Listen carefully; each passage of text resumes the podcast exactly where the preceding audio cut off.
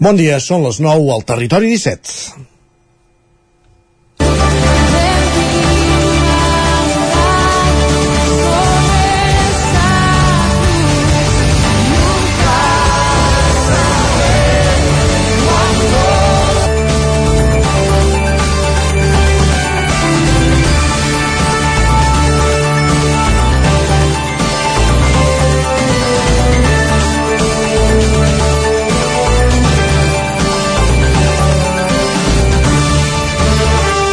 Des d'aquest dimarts a la tarda ja està en marxa la xarxa Més, la plataforma de streaming gratuïta o OTT de les televisions i ràdios locals de Catalunya. Sí, ho heu entès bé. Plataforma de streaming com poden ser Netflix, Filming, Disney Plus o HBO Max, que compta amb l'emissió en directe d'una trentena de televisions locals, com poden ser el Nou TV, BOTV o Televisió del Ripollès, continguts temàtics de diferents àmbits estratègics, com poden ser els esports, castells, tradicions, cultura o entreteniment, generats per les mateixes televisions locals, o podcasts temàtics produïts per les emissores de ràdio. I això què suposa? Doncs que aquests continguts, un cop registrats a la plataforma, els podrem veure des de qualsevol punt del planeta i amb la millor qualitat d'imatge i so. Per exemple, sense anar més lluny, tothom que estigui a la plataforma aquest dissabte podrà escollir entre veure el Carnaval de Torelló al Nou TV, el de Vilanova o Sitges al Canal Blau o el de Platja d'Aro a la Visió Costa Brava. La xarxa més neix per, per posicionar l'audiovisual local en l'ecosistema digital d'acord amb els nous hàbits de consum i amb la qualitat i proximitat com a valors diferencials. El projecte ha estat reconegut amb un ajut per la creació d'ecosistemes digitals en el sector audiovisual dels fons Next Generation UE, el Ministeri d'Afers Econòmics i Transformació Digital del govern espanyol destinarà 625.000 euros d'aquests fons europeus a la Diputació de Barcelona amb l'objectiu d'impulsar la plataforma OTT de la comunicació local. I val a dir-ho, la xarxa s'avança, la Corporació Catalana de Mitjans Audiovisuals, en l'impuls d'un projecte d'aquest abast. És dimecres, 15 de febrer. Salutacions en el moment de començar el Territori 17 a la sintonia de Ràdio Cardedeu, Ona Codinenca, La Veu de Sant Joan, Ràdio Vic, el 9 FM i també YouTube, Twitch i la xarxa més a través del nou TV.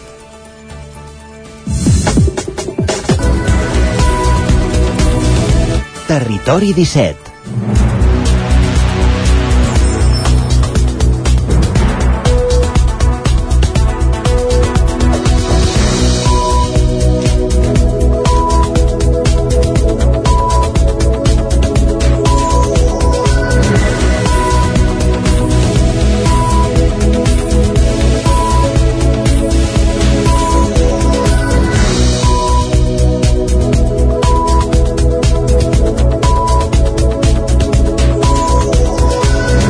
3 minuts que passen de les 9 del matí en el moment de començar el Territori 17, el magazín de les comarques del Vallès Oriental, l'Osona, el Ripollès i el Moianès, que com cada dia us farà companyia des d'ara fins al punt de les 11.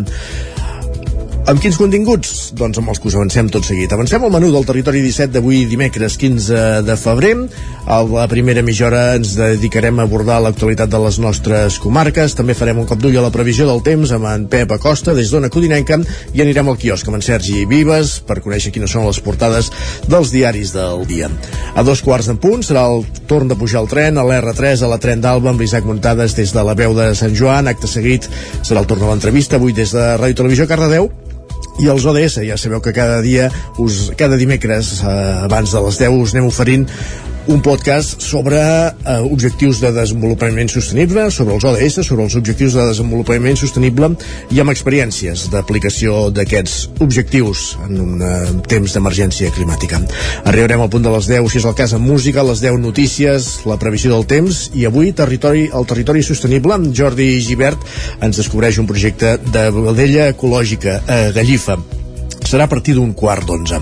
A la darrera mitja hora, Twitter a dos quarts d'onze en punt, llengua amb Cristina Enfruns, com cada 15 dies, coneixent paraules que tenim oblidades de, del nostre diccionari, de la nostra llengua, del nostre imaginari i acabarem el lletra ferits anant fins a Ràdio i Televisió Cardedeu. Aquest és el menú del Territori 17, que com dèiem ara comença repassant les notícies més destacades de les nostres comarques, les comarques del Territori 17, les comarques del Vallès Oriental, Osona, el Ripollès i el Moianès, en connexió amb les diferents emissores que dia a dia fan possible aquest programa.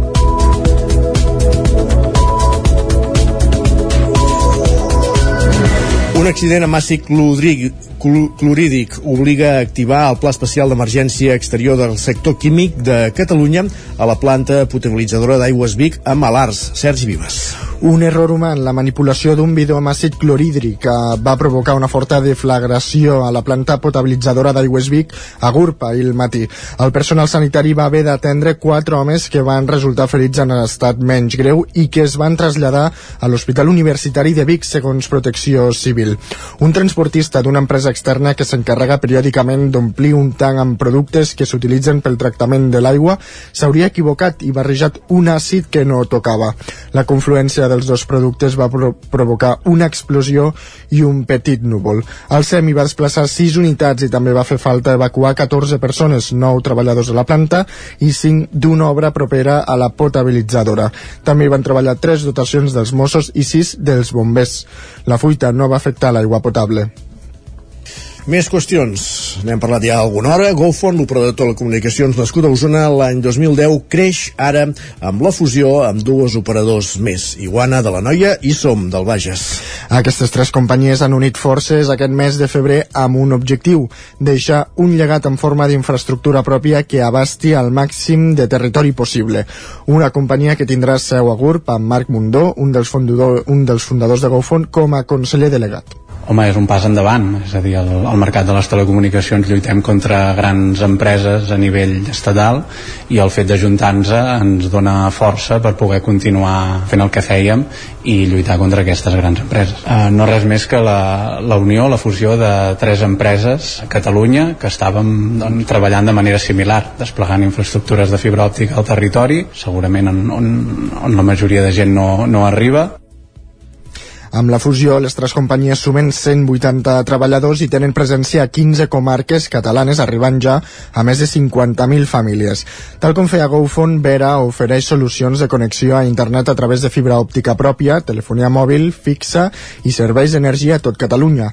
També dona opció als seus clients de contractar el seu servei d'energia 100% verda, tal com explica Mundó. Una de, de les línies de negoci que, que vam, vam començar doncs, ja fa un parell d'anys, pràcticament, moment és la, la línia de, de comercialitzar energia verda i aquest era el primer pas també per poder ajudar doncs, al territori igual que amb les infraestructures de fibra òptica podem eh, participar en la digitalització del nostre país doncs també a, a través de la instal·lació de, de plaques solars fotovoltaiques ajudar a, a la gent que viu a, a Catalunya doncs, a, a, a poder doncs, tenir aquesta bueno, a, a garantir-se aquesta sostenibilitat del territori. GoFon va néixer a Osona l'any 2010. El mateix any va néixer Som Fibra, l'operadora del Bages que a finals del 2021 ja va ser adquirida per GoFon. Dos anys després, el 2012, va néixer Iguana, la noia. A més d'una dècada per separat, ara totes tres comencen una nova aventura en comú. Més qüestions anem cap al Ripollès perquè l'expresident del Consell Comarcal del Ripollès, Enric Pérez, tornarà a ser el cap de llista del PSC a les eleccions municipals de l'Ajuntament de Ripoll, 12 anys després. Isaac Muntades, des de la veu de Sant Joan. L'actual regidor del PSC a l'Ajuntament de Ripoll, Enric Pérez, serà el cap de llista a les eleccions municipals del pròxim 28 de maig, després que dissabte es votés per unanimitat en una assemblea del partit al municipi ripollès. Pérez, que actualment té 45 anys, és regidor a l'oposició i vicepresident del Consell Comarcal del Ripollès. A més a més, el candidat socialista ja té força experiència en política perquè va ser president del Consell Comarcal entre el 2007 i el 2011, una època on també estava el govern de l'Ajuntament de Ripoll. De fet, ell també va ser cap de llista en els comicis del 2003, quan també va estar l'equip de govern encapçalat per l'exalcaldessa Teresa Jordà. Així doncs, Pérez torna a ser el candidat socialista després de 12 anys, ja que els últims dos mandats ha estat el número 3 de Belén Avilés, que ha fet un pas al costat per motius personals. En les darreres eleccions, els socialistes van aconseguir 838 vots i el 15,7% dels sufragis, però en les del 2015 no va entrar de regidor al consistori. Pérez va destacar els tres eixos principals que defensarà la candidatura. Com l'accés a l'habitatge o el tema de defensar molt la nostra sanitat i serveis sanitaris públics, que malauradament realment hem vist que, que els darrers temps estem fent passos enrere i, i creiem que ho hem, ho hem de lluitar per tenir una bona qualitat en l'assistència sanitària i finalment també doncs, treballar per tenir un espai públic de qualitat, uns equipaments de qualitat i que doncs, en aquest espai ens puguem relacionar, conviure, aprendre doncs, a, a fer un treball comunitari per garantir el, el benestar de, de les persones que treballen a Ripoll. Pérez, que treballa com a codirector del Centre Especial de Treball de la Fundació MAP i és diplomat en Educació Social social i té un grau superior de fabricació mecànica, considerava que l'habitatge és el tema més prioritari. Aquest acord entre Ajuntament i Fundació Soler serà un, un pas endavant, però sí que la preocupació de fet és, és també per la rehabilitació del casc antic. Jo crec que s'ha de un treball molt intens perquè, perquè hi ha una mancança d'habitatge, l'habitatge que hi ha disponible al casc antic està molt degradat i per tant aquí cal fer una operació urbanística jo crec d'envergadura de, amb aquesta finalitat de posar, poder posar habitatges al mercat amb uns preus de lloguer assequibles que permeti l'emancipació de la gent jove o que tornem a, a crear un casc antic que sigui un entorn, un espai al màxim d'agradable possible, però és evident que cal fer una rehabilitació per poder repoblar i si repoblem el casc antic de ben segur que el reactivarem i... Pérez també va alertar que el cap de Ripoll ha anat perdent especialitats els darrers anys, com l'Hospital de Can de Bànol, i que aquestes activitats s'han derivat cap a l'Hospital d'Olot o al doctor Trueta de Girona, però que segurament pel que fa a l'àmbit de les comunicacions seria més fàcil anar a Vic. Pel que fa a la llista es presentarà properament, però Pérez va confirmar la presència dels regidors actuals, Joaquim Merino i Ana Belén Avilés, de seguint el projecte, però sí que va dir que seria un grup de persones de garanties per si cal afrontar un govern. 11 minuts que passen de les 9 del matí, encara en la plana política, preelectoral, Primàries Codines ha fet públic el nom de 14 de candidats que opten a formar part de la llista electoral de, que la formació presentarà a les eleccions municipals del mes de maig a Sant Feliu de Codines. Anem fins a Sant Feliu, on a Codinenca Roger Rams. Aquesta serà la segona vegada que Primàries Codines es presenta a les municipals de Sant Feliu i elaborarà tant la llista com el programa electoral de la mateixa manera que l'any 2019, de manera participativa amb les opinions de totes les persones que s'han registrat com a electores. Carme Tura és la presidenta del Comitè Electoral de Primàries Codines. Les propostes del programa electoral també es decidiran en un procés participatiu a partir de les diverses taules rodones que es faran i estaran obertes a tothom. Eh? Ja n'hem fetes tres, que ja han estat obertes a tothom i continuarem.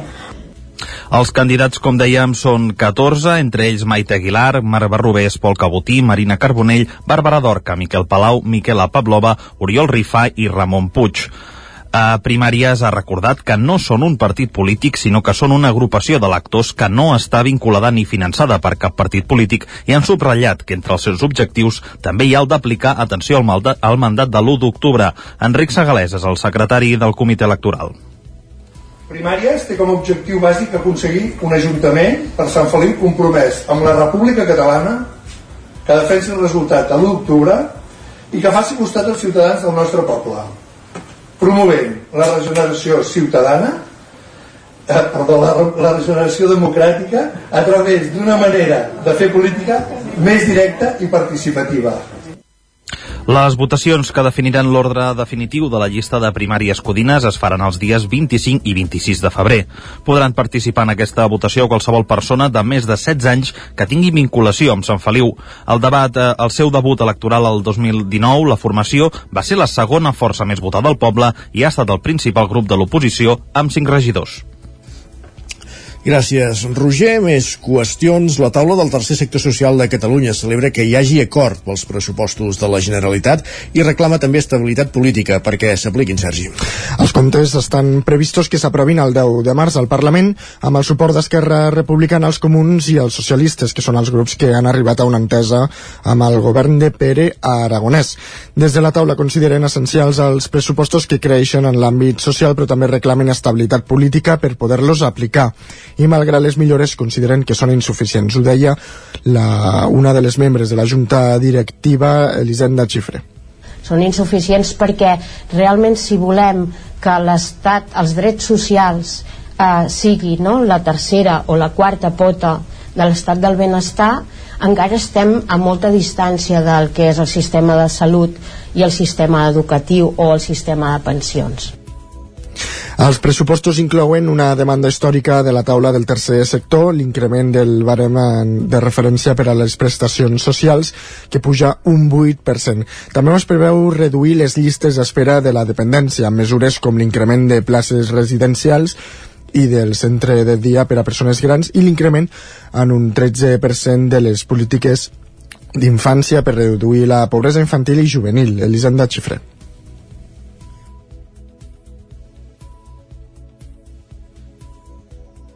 Ho estem veient amb un increment de, de dificultats o de problemes de salut mental val? que es tradueixen amb ansietat, no? amb depressions, amb, amb aïllament social, amb una part de la infància la situació eh, socioeconòmica se'ls ha empitjorat eh, perquè les seves famílies, els seus pares, les seves mares van perdre la feina o no tenien feina o, o han estat en un sistema en precari val? i després també ho veiem amb tota la part de, de, de la igualtat d'oportunitats en el sistema educatiu en xifres generals, a Catalunya, una de, quatre, de cada quatre persones es troba en situació de risc de pobresa. Una altra de les peticions que fa la taula del tercer sector és en relació al finançament de les entitats. Demanen que s'avanci el calendari perquè les subvencions poden acabar arribant a finals d'any. També reclamen que s'ampli la cartera de serveis socials per donar cobertura de manera més estable a necessitats bàsiques de la població. Gràcies, Sergi. Més qüestions. Que Novelles inaugura la remodelació del campanar. Pol Grau, Ràdio Televisió Cardedeu. L'Ajuntament de Canovelles inaugura aquest divendres la remodelació del campanar dins dels actes del Carnaval. L'acte començarà a dos quarts de vuit del vespre amb els parlaments institucionals i el brindis d'inauguració. La festa, emmarcada dins la programació del Carnaval 2023, permetrà tornar a obrir les portes del campanar. Al llarg de la seva història, aquest equipament emblemàtic ha acollit assajos d'entitats, obres de teatre, dinars populars o concerts. Així, aquest espai polivalent torna a estar a disposició i servei de les entitats i el teixit associatiu del municipi.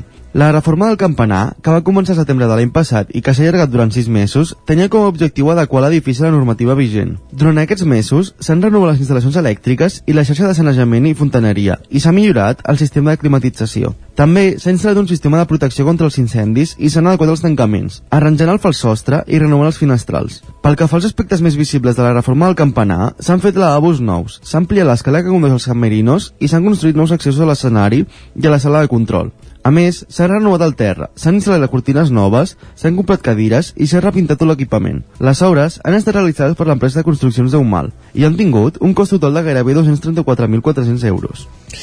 I a la pàgina esportiva us explicarem que l'Ajuntament de Manlleu fa un reconeixement al pilot usonenc Gerard Ferrés, que ara fa un mes va tornar del Dakar, on va participar a la 45a edició, i on va quedar cinquè en la categoria de buguis T4, Sergi.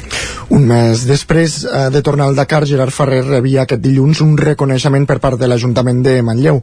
Tant el govern d'Àlex Garrido com l'oposició rebien el pilot nascut a Olost però establert des de fa anys a Manlleu. Ferrés rebia una dissuadora personalitzada on podia llegir-se el motor de Manlleu. Ja fa molts anys que visc a Manlleu i em sento doncs, eh, com a casa i mai tan ben dit i ostres, eh, el que em sap greu és que cada any tingueu que fer alguna cosa coseta, eh? us ho agraeixo moltíssim uh, no, i de veritat perquè al final, uh, ostres, el nostre esport tampoc, igual que molts altres uh, pot semblar que siguin molt coneguts però no ho són. I aquestes coses soc una persona també de, de persones i en aquest sentit ho gaudeixo moltíssim. Després d'unes setmanes païnt l'experiència, el pilot osonenc no descarta repetir-la de cara a la propera edició, sent que encara no ha arribat l'hora de tancar l'etapa com a pilot de, de bugis, una sensació que explicava comparteix amb el seu equip. Llavors, ostres, jo lluito per, per tornar, hem sigut professionals, hem estat allà davant, no tinc la certesa, eh, escrita ni verbalment, però tinc la certesa de que sí que hi podré anar per al que hem fet. I si no tampoc em posaria a plorar perquè també hem competit durant molts anys i, i tampoc hi ha d'haver algun dia algun final. I al final no l'estic buscant jo ara. Amb les motos sí que vaig buscar al final amb això no l'estic buscant però si vingués agafaríem un altre camí i amb les mateixes ganes que sempre Després d'haver cedit la victòria per ordres d'equip en l'anterior edició del Dakar, Farrés tornava al, al rally més exigent del món amb opcions de victòria. No va ser fins a l'onzena etapa, però, que un problema tècnic el va allunyar del podi.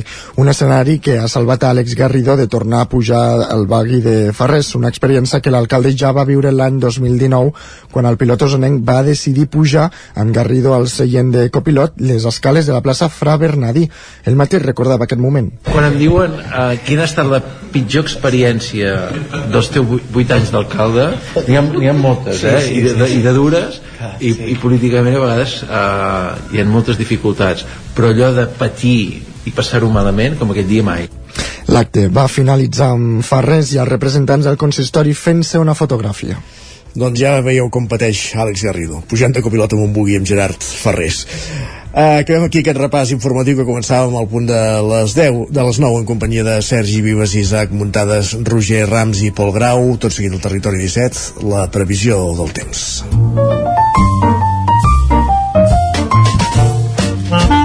Casa Terradellos us ofereix el temps. I parlar del temps al territori 17 és parlar d'en Pep Acosta. Tornem a una codinenca té Pep. Bon dia. Hola, molt bon dia. Com estàs? Què tal? Bé, Com va la setmana? Va marxant. Va passant de pressa, ens anem acostant ja als dies de, de Carnaval, i ja el tenim aquí. Demà Pollasso. Espero que el Carnaval us agradi. A mi m'agrada bastant, eh? Jo, jo m'havia disfressat moltíssim. Aquest any no crec que em disfressi res, però el Carnaval eh, a mi m'agrada molt. Hi ha molta gent que no li agrada. Mm, He vist per les xarxes socials molta gent que no li agrada gens, gent que li agrada molt. Bueno, eh, per tothom, eh? El Carnaval ja es va acostant eh, i també es va acostant eh, bueno, no, no es va acostant no, eh, vull dir, mm, està aquí present aquest anticicló eh, enorme, potent eh, bueno, no sé quants no sé com més dir-li ja perquè no, no es vol moure eh, en, en definitiva no, no, no tenim cap moviment meteorològic um, com a novetat eh, hi ha una petita pertorbació al golf de Cádiz i ens envia una mica de nuvolositat eh, núvols que seran eh, poder més importants de cada migdia i a la tarda. Això ha provocat eh, dues coses. Eh, les temperatures mínimes han pujat, eh, hi ha molt poques glaçades avui, eh, les temperatures mínimes van pujar aquests últims dies, no està fent fred i ara aquestes últimes nits, amb, unes, amb una recuperació de temperatures eh, una mica important a les nits, i durant el dia les temperatures baixaran, eh, baixaran un o dos graus eh, fruit d'aquesta major eh, major eh, nuvolositat, eh, més núvols que hi haurà durant el dia d'avui al migdia farà que la temperatura baixi una mica, però bueno, eh, poc, eh, baixarà un o dos graus respecte a ahir, eh, vull dir que una, una baixada eh, poc, poc apreciable. Eh, continuem, com deia, amb aquesta tranquil·litat, amb aquest anticicló, eh, molt poques novetats, i, i, i, i això, i un panorama mm, molt, molt, molt negatiu pel que fa a aquesta uh, crisi climàtica, aquesta crisi d'aigua que estem patint a casa, a casa nostra, que no es veu al final per enlloc.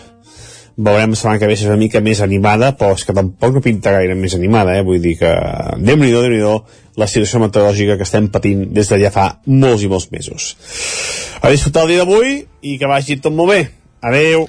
Gràcies, Pep. Setmana animada pels carnavals. Esperem que la situació s'animi també meteorològicament parlant en les properes setmanes. Avancem al territori 17. Casa Tarradellas us ha ofert aquest espai. Territori 17. Envia'ns les teves notes de veu per WhatsApp al 646 079 023. 646 079 023. WhatsApp Territori 17.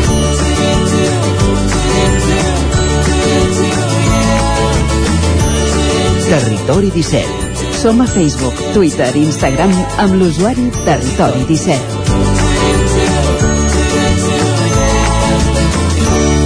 Un quart i mig de 10 del matí al quiosc, al territori 17, perquè és moment de saber, Sergi, com ens avui els diaris, com ens sorprenen avui els diaris amb les seves portades, moment de repassar portades. Què has trobat al quiosc? Doncs mira, comencem pel punt avui que encapça la portada amb el titular 52% de retrets. Expliquen que Esquerra, Junts i la CUP escenifiquen la fi de la majoria en el debat del pressupost. Diuen que el govern continua amb la mà estesa i l'oposició l'insta a negociar esmenes. I amb el titular eh, Terminal Marina i el titular Terminal Marina l'utilitzen per explicar que els defensors de la pista sobre el mar, estem parlant de l'ampliació de l'aeroport del Prat, diuen que és un projecte viable i sostenible. Sí, esclar. Per això són els defensors. Els efectes diran al contrari. Exactament. El periòdico diu que Europa avança eh, la 10 al cotxe de combustió al 2035. Expliquen que el Parlament prohibirà els vehicles de dièsel i gasolina 15 anys abans del previst. Prohibirà la venda, eh? Circular la fins venda, al, evidentment, fins, evidentment. Circular fins al 2050, encara. Sí, afegeixen que aquest acord ha tirat endavant com ara, eh, com era d'esperar, amb els vots en contra dels populars, conservadors i ultres. La Vanguardia diu que Noruega afirma que Rússia desplega vaixells amb armes nuclears. Els serveis d'intel·ligència del país escandinau diuen que Moscou torna a enviar al Bàltic embarcacions amb míssils per primer cop des de la Guerra Freda. També expliquen que el PSOE té tres setmanes per negociar la llei del només a sí abans d'acudir al PP. Els aliats de Sánchez han enviat la reforma al ple de la vigília del 8M i per altra banda diuen que els Estats Units admeten que alguns dels globus abatuts podien ser inofensius. Lara diu que la mesa del Parlament deixarà sense canvis els premis de jubilació. Expliquen que la cambra decideix mantenir els subsidis, que no tenen límit de quantia, a tots els treballadors. De fet, els dos exsecretaris generals cobrarien més de 170.000 euros extres si es retiressin avui. Carai. Ens hem equivocat de feina. Està clar. Anem cap a Madrid. El país diu que Espanya envia míssils a Estònia per reforçar l'OTAN a l'est. Eh, això amb motiu perquè l'aliança adverteix que Putin prepara noves ofensives a Ucraïna. També expliquen que la grip aviar ha matat a 634 llops marins que s'han anat trobant a les platges de Perú des del mes passat. Segons els científics, entre els llops s'encomanaven al virus. Carai. El llop marí és un mamífer, no? Sí, sí, sí, sí. estic. sí, sí, sí. D'acord. L'ABC diu que el govern corregeix el formulari que inflava les xifres d'exiliats. Expliquen que aquest mateix diari va denunciar que l'executiu forçava sol·licitants eh, de, de, de nacionalitat a afirmar que els seus avantpassats van ser perseguits pel franquisme, encara que no ho fossin. Afegeixen que el BOE rectifica també la no, exigeix, la no exigència a la lleialtat al rei i a la Constitució. I el Mundo diu que la sangria dels comerços s'accelera amb 215 tancaments diaris. Expliquen que l'alça dels costos i la caiguda d'ingressos atrapen a milers d'autònoms en un començament de 2023 especialment dolent per als petits negocis. Afegeixen que la pujada del 8% del salari mig agreuja aquesta situació. Acabem aquí aquest repàs de diaris. Tenim 10 segons pels digitals. Doncs mira, a Osona, el Ripollès, eh, destaquen aquesta xifra rècord de llocs de treball a Osona des de l'any 2008. I el 99.cat del Vallès Oriental. Doncs que el nombre de matrimonis catòlics cau gairebé un 70% en 30 anys. déu nhi Una pausa i tornem d'aquí 3 minuts al Territori 17. Gràcies, Sergi. El nou FM, la ràdio de casa, al 92.8. No t'ho creuràs, m'ha trucat el servei tècnic oficial de Saunier Duval perquè han detectat a distància que li falta aigua a la caldera. Era a casa i no me n'havia adonat. I què has fet? Res, perquè el meu servei de manteniment Mi Saunier Duval Connect m'ha donat una solució en qüestió de minuts. Informeu-vos a connectivitat.saunierduval.es. Saunier Duval, sempre al seu costat. Al forn de pa i pastisseria Glina hi trobareu una gran varietat de pans de producció pròpia amb farina de blat i de molts altres tipus, tots elaborats al nostre obrador. També us oferim tortells, braços de gitano, coques, brioixeria i pastes seques i pastissos personalitzats. I ara també ens trobareu al Mercat Municipal de Torelló. Forn de pa i pastisseria Glina, carrer Major número 9 de Sant Vicenç de Torelló i Mercat Municipal de Torelló. Piscines en export. Disseny, garantia, qualitat... Excavacions en export. Excavacions i moviments de terres, enderrocs i murs de pedra natural. Piscines i excavacions en export. Som a l'Atmella del Vallès. Telèfon 93 843 25 77. Més informació a anexport.es. Ja tens la teva disfressa? Carnestoltes a Manli. Vine i demana'ns la disfressa que vulguis. Trobaràs un món de fantasia en disfresses i complements per al Carnestoltes. Hi ha uns preus especials. Som al carrer Ramon Soler, número de Vic, i també ens trobareu a manli.cat. Fem de la festa una bogeria. Una bogeria. Bon dia, són les 9 al Territori 17. La Miquel Parella. Cada matí i durant dues hores t'acompanyem i et posem al dia de l'actualitat de casa nostra. Potenciant així l'autonomia En aquest cas me la peça el teler si no... Cursos per feminitzar el pensament masculí.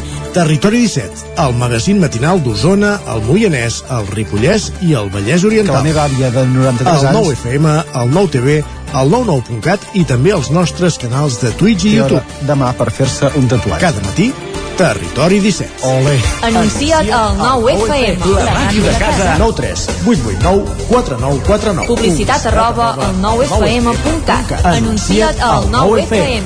La publicitat més eficaç. Cocodril Club. Si t'agrada la bona música dels anys 60, 70 i 80, escolta el 9 FM als matins de dissabtes i diumenges d'11 a 1. És el temps del Cocodril Club, tot un clàssic de la ràdio, amb les bases del pop-rock, les llegendes, les cançons que s'han convertit en autèntics himnes. Recorda, dissabtes i diumenges al matí, d'11 a 1, al 9 FM 92.8. Cocodril Club, el programa revival de l'Albert Malla. Hasta luego, cocodrilo. El 9 FM, el 9 FM, el 9 FM. Territori 17.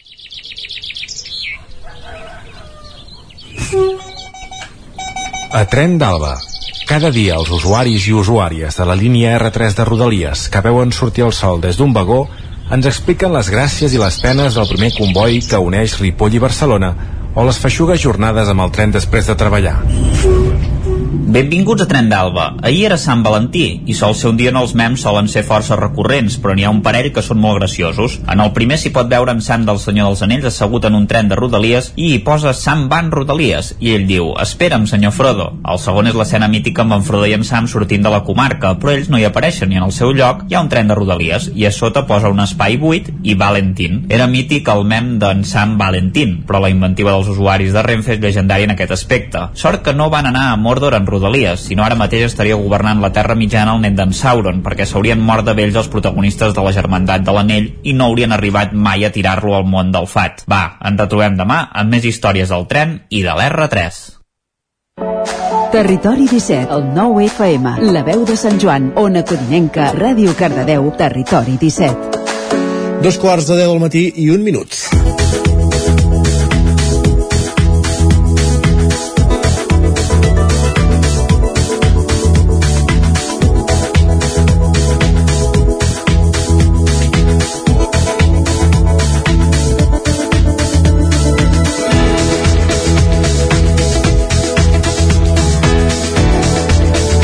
Avui als estudis de Ràdio Televisió Cardedeu ens acompanya al costat d'en Pol Grau en Joan Català per parlar del primer espectacle amb residència a Cardedeu a la nova Tèxtil Racen. En Joan porta Idiofona, un taller participatiu on el públic podrà col·laborar en la mateixa creació. De seguida saludem en Joan Català, però abans, Pol Grau, benvingut, bon dia. Bon dia, Isaac. Com va la cosa? Doncs sí, avui, avui ens acompanya en Joan Català per parlar del seu espectacle Ideofona. Bon dia, Joan, com estàs? Bon dia. Bé. Nerviós per l'entrevista? Mm, no, més aviat mm, dormit. El Joan ve de, ve de Mataró. És el que té fer ràdio al matí, sí. Sí, sí. Potser encara has d'engraçar una miqueta el cos i el cervell per poder donar respostes coherents, però bueno, farem el que podrem. Primer de tot, d'on és la idea de fer aquest espectacle o en la que la gent pugui també participar i endinsar-se dins? Doncs Idiòfona eh, neix de, bueno, sobretot d'aquesta aquesta manera que tinc jo de concebre els espectacles, que és eh, utilitzar l'espai públic i fer el públic responsable o part responsable del que està passant. És a mi m'agrada el fet de pensar com un compartir responsabilitats. Més enllà de, de que crec que l'audiència o el públic és intel·ligent de per si, o sigui que, som, que prenem decisions tota l'estona crec que l'espai públic té aquest avantatge de que tu no has decidit eh, pagar un tiquet per anar a veure jo, sinó que tu tu estàs allà i tu pots trobar o sigui, pots decidir d'anar-hi amb la teva família o amb els teus amics, però també pots anar a comprar el pa i de cop trobar-te aquella cosa que està passant a l'espai públic. I depèn del que estigui passant doncs, tu t'atures o no t'atures, o sigui, que responsabilitat té aturar-te allà, no? I a mi aquesta idea com em seduïa molt, però deia, hòstia, vale, però això com, com ho fem d'una manera teatral, que la gent es pugui, es, es pugui donar de lo responsable que és del que està passant davant seu? I vaig dir, bueno, doncs els hi dones tasques i ja està, els hi fas, els fas treballar. I d'aquesta manera responsables es sentiran. I, i sí, ja, ja neix de fa molts anys, un recorregut que tinc jo de fa molts anys amb, amb, amb diferents espectacles a l'espai públic on sempre he posat aquesta, aquesta premissa en valor. Uh -huh. uh, Explica'ns una mica de què va o de què consta aquest espectacle un espectacle participatiu ja ens ha, ens ha quedat clar, diguéssim però a partir de, de quines experiències, diguéssim? Doncs Idiòfona neix de de diverses coses al mateix temps una d'elles i principal pot ser la meva manera de fer homenatge a l'artesania, a un treball d'artesania, que és el, el, el món del que vinc jo. Jo sóc bisnet, net, fill de ferrer, per tant, eh, el meu vincle amb el ferro i amb el taller és, és, és, és, o sigui, és indiscutible, estan allà. I el que faig en aquest espectacle és just treballar amb 32 tubs de ferro és a dir, un material que, que he viscut molt, una matèria que he viscut molt, tant per, per lo dura que és, per lo freda que és, per lo sòrdida que és, per lo bruta que és, però aquesta, aquesta vegada l'estic donant un, un valor una mica més poètic en això, no? Eh, i consisteix en, primer en, aquesta, en aquest homenatge a l'artesà, aquesta manera de fer que tinc jo, que és la que m'agrada, després hi ha una part, molt, una part de deambulació on l'espectador descobreix junt amb mi diferents detalls de l'espai públic i es va familiaritzant amb aquests objectes que jo comparteixo amb ells. I per tercera, la tercera part d'aquesta o la, la part també important d'això és una part de construcció sonora una part de, de com entre tots i totes construïm un gran instrument musical que el que fem pràcticament és en tot aquest recorregut que on jo he començat amb aquests tubs de ferro l'han tocat al públic i acaba en una instal·lació és un, una idea que m'acompanya durant tota la peça que és fer lleugera la duresa. O sigui, això a nivell pràctic és el que faig i a nivell metafòric també és el que faig. És a dir, és fer una mica lleuger tot aquest pes que cadascú i cadascuna de nosaltres té que, bueno, en el meu cas ha estat aquesta, aquest destí que estava una mica prescrit per mi que era ser ferrer sí o sí a qualsevol preu i jo vaig decidir no, no posar-me aquest pes a sobre però igualment m'acompanya, m'acompanya per tant, per tant l'haig de fer lleuger d'alguna manera tot això, és inevitable Escenes... Ahir... Ai, digues, digues. No, anava a preguntar-te, eh, Joan, perdona. Escena està sol o sou més actors, per entendre? No, sóc jo sol. So, sí, sóc, sóc jo sol. Eh, a, a, així, a, a priori, sóc el públic arriba i es troba un, un personatge que, és, que sóc jo qui, qui, qui l'interpreto amb aquest farcer de tubs i a poc a poc es vaig embaucant en una història on ells formen part de tot això no tota l'audiència, evidentment, però part d'ells sí. O sigui, tinc, tinc un, una bona trentena de persones del públic que es veuen una mica embaucats en, en el que jo faig. A poc a poc, d'una manera suau. No és, des del primer, no, és, no és des del primer segon que demano l'atenció i demano la participació d'ells, sinó ve d'una manera lenta, tranquil·la, sí, amb, amb una mica una cuina lenta. Perquè portar 32 tubs tu mateix pesen. pues sí. sí, sí, sí. Sí, d'això es tracta, fer lleuger tot això. Alguna de les maneres fer-ho lleuger. Perquè ahir vau fer el primer dia, vau tenir un taller en una escola d'aquí a Cardedeu, com van, el, com, vau, com van reaccionar, com van participar? Bé, aviam, són, són, són, són adolescents adolescents nens, o sigui, estan en aquest marge en aquesta franja d'edat entre els 11, 12 anys, 13 anys que són adolescents però no deixen de ser nens per tant, el, el nivell de concentració a vegades no és el que un està buscant buscar una mica més de concentració però a grans trets van a bé van a bé perquè a mi el, el fet de poder fer aquest tipus d'experiències que són li diem taller, però el que faig és convidar la gent a allà i aquesta part final, que és la part de la construcció sonora, doncs jo encara, encara haig de desxifrar com funciona tot això. Sí, és a dir, jo no puc... Com l'espectacle té una part de participació del públic, els meus assajos no poden ser només els espectacles quan els faci, sinó jo haig de fer un, un treball previ. I l'única manera de fer un treball previ si jo convoqués 32 persones i em seguissin amb mi durant un mes i mig o dos mesos a les sales d'assaig em costaria una fortuna. O sigui, és, és com pagar 32 persones no té sentit. El que té sentit és fer als espais de residència artística on soc escollir un parell de dies, tres dies en, un, en una franja de dues hores o tres hores i treballar amb un grup de persones. Ho he repartit diverses vegades, o sigui, a les diferents residències que he tingut he repetit amb, amb adolescents amb gent més gran amb un grup de persones diverses o sigui, però sí que em va bé per mi per recollir idees so, i sobretot després treure conclusions de què em funciona i què no em funciona. De fet, aquests, aquesta mena de tallers no deixen de ser un prova i error. O sigui, és, és acu acumular informació per després descartar. Que aquest divendres tens un altre per qui vulgui venir i participar també aquest divendres tens una altra prova per dir-ho així. Ah, sí, pot, pot apuntar-se i venir a veure què fas. Sí, sí, sí, us esteu més que convidades i convidats, és a dir, mm, és, és això, és ajudar-me a mi a treure conclusions. Mm, per tant és oferir-se al joc o estar predisposat a, bueno, a, a, fer, a, fer, a fer sonar ferralla, bàsicament, bàsicament, bàsicament. Fer sonar la ferralla, em refereixo, no és ferralla sinó que aquests, aquests tubs sí que tenen una particularitat eh, no, és un, no només són tubs de ferro sinó són tubs de ferro que estan afinats, és a dir, hi ha un treball darrere d'investigació sonora que hem fet junt amb en Joan Cot, que és la persona que m'ajuda amb tot el, el disseny del so o l'espai sonor, que és aquests tubs estan tallats a unes mides determinades amb la qual està tot afinat en escala de mi major, tinc 32 notes repartides en aquests tubs, sonen, mm, hi ha, si 8 tubs els poses junts els toques alhora, aquests vuit tubs et donen un acord, o sigui, hi ha tot un treball, un estudi musical darrere de tot això que no, no és aleatori, no és random. I el que, el que intentaré fer és amb tota aquesta gent que vindrà és endreçar tot aquest material sonor que està apareixent que és complex perquè és, és com una, un, dirigir un petit grup de persones que alguns tenen instint musical, d'altres no tant i a veure què surt de tot això Abans parlaves de la necessitat de poder trobar espais on fer residències diguéssim com és el cas de, de la Textil Race ara com ha estat la coincidència amb la Textil Race? La coneixies? Ha estat una descoberta? Què suposa per tu disposar d'aquests espais?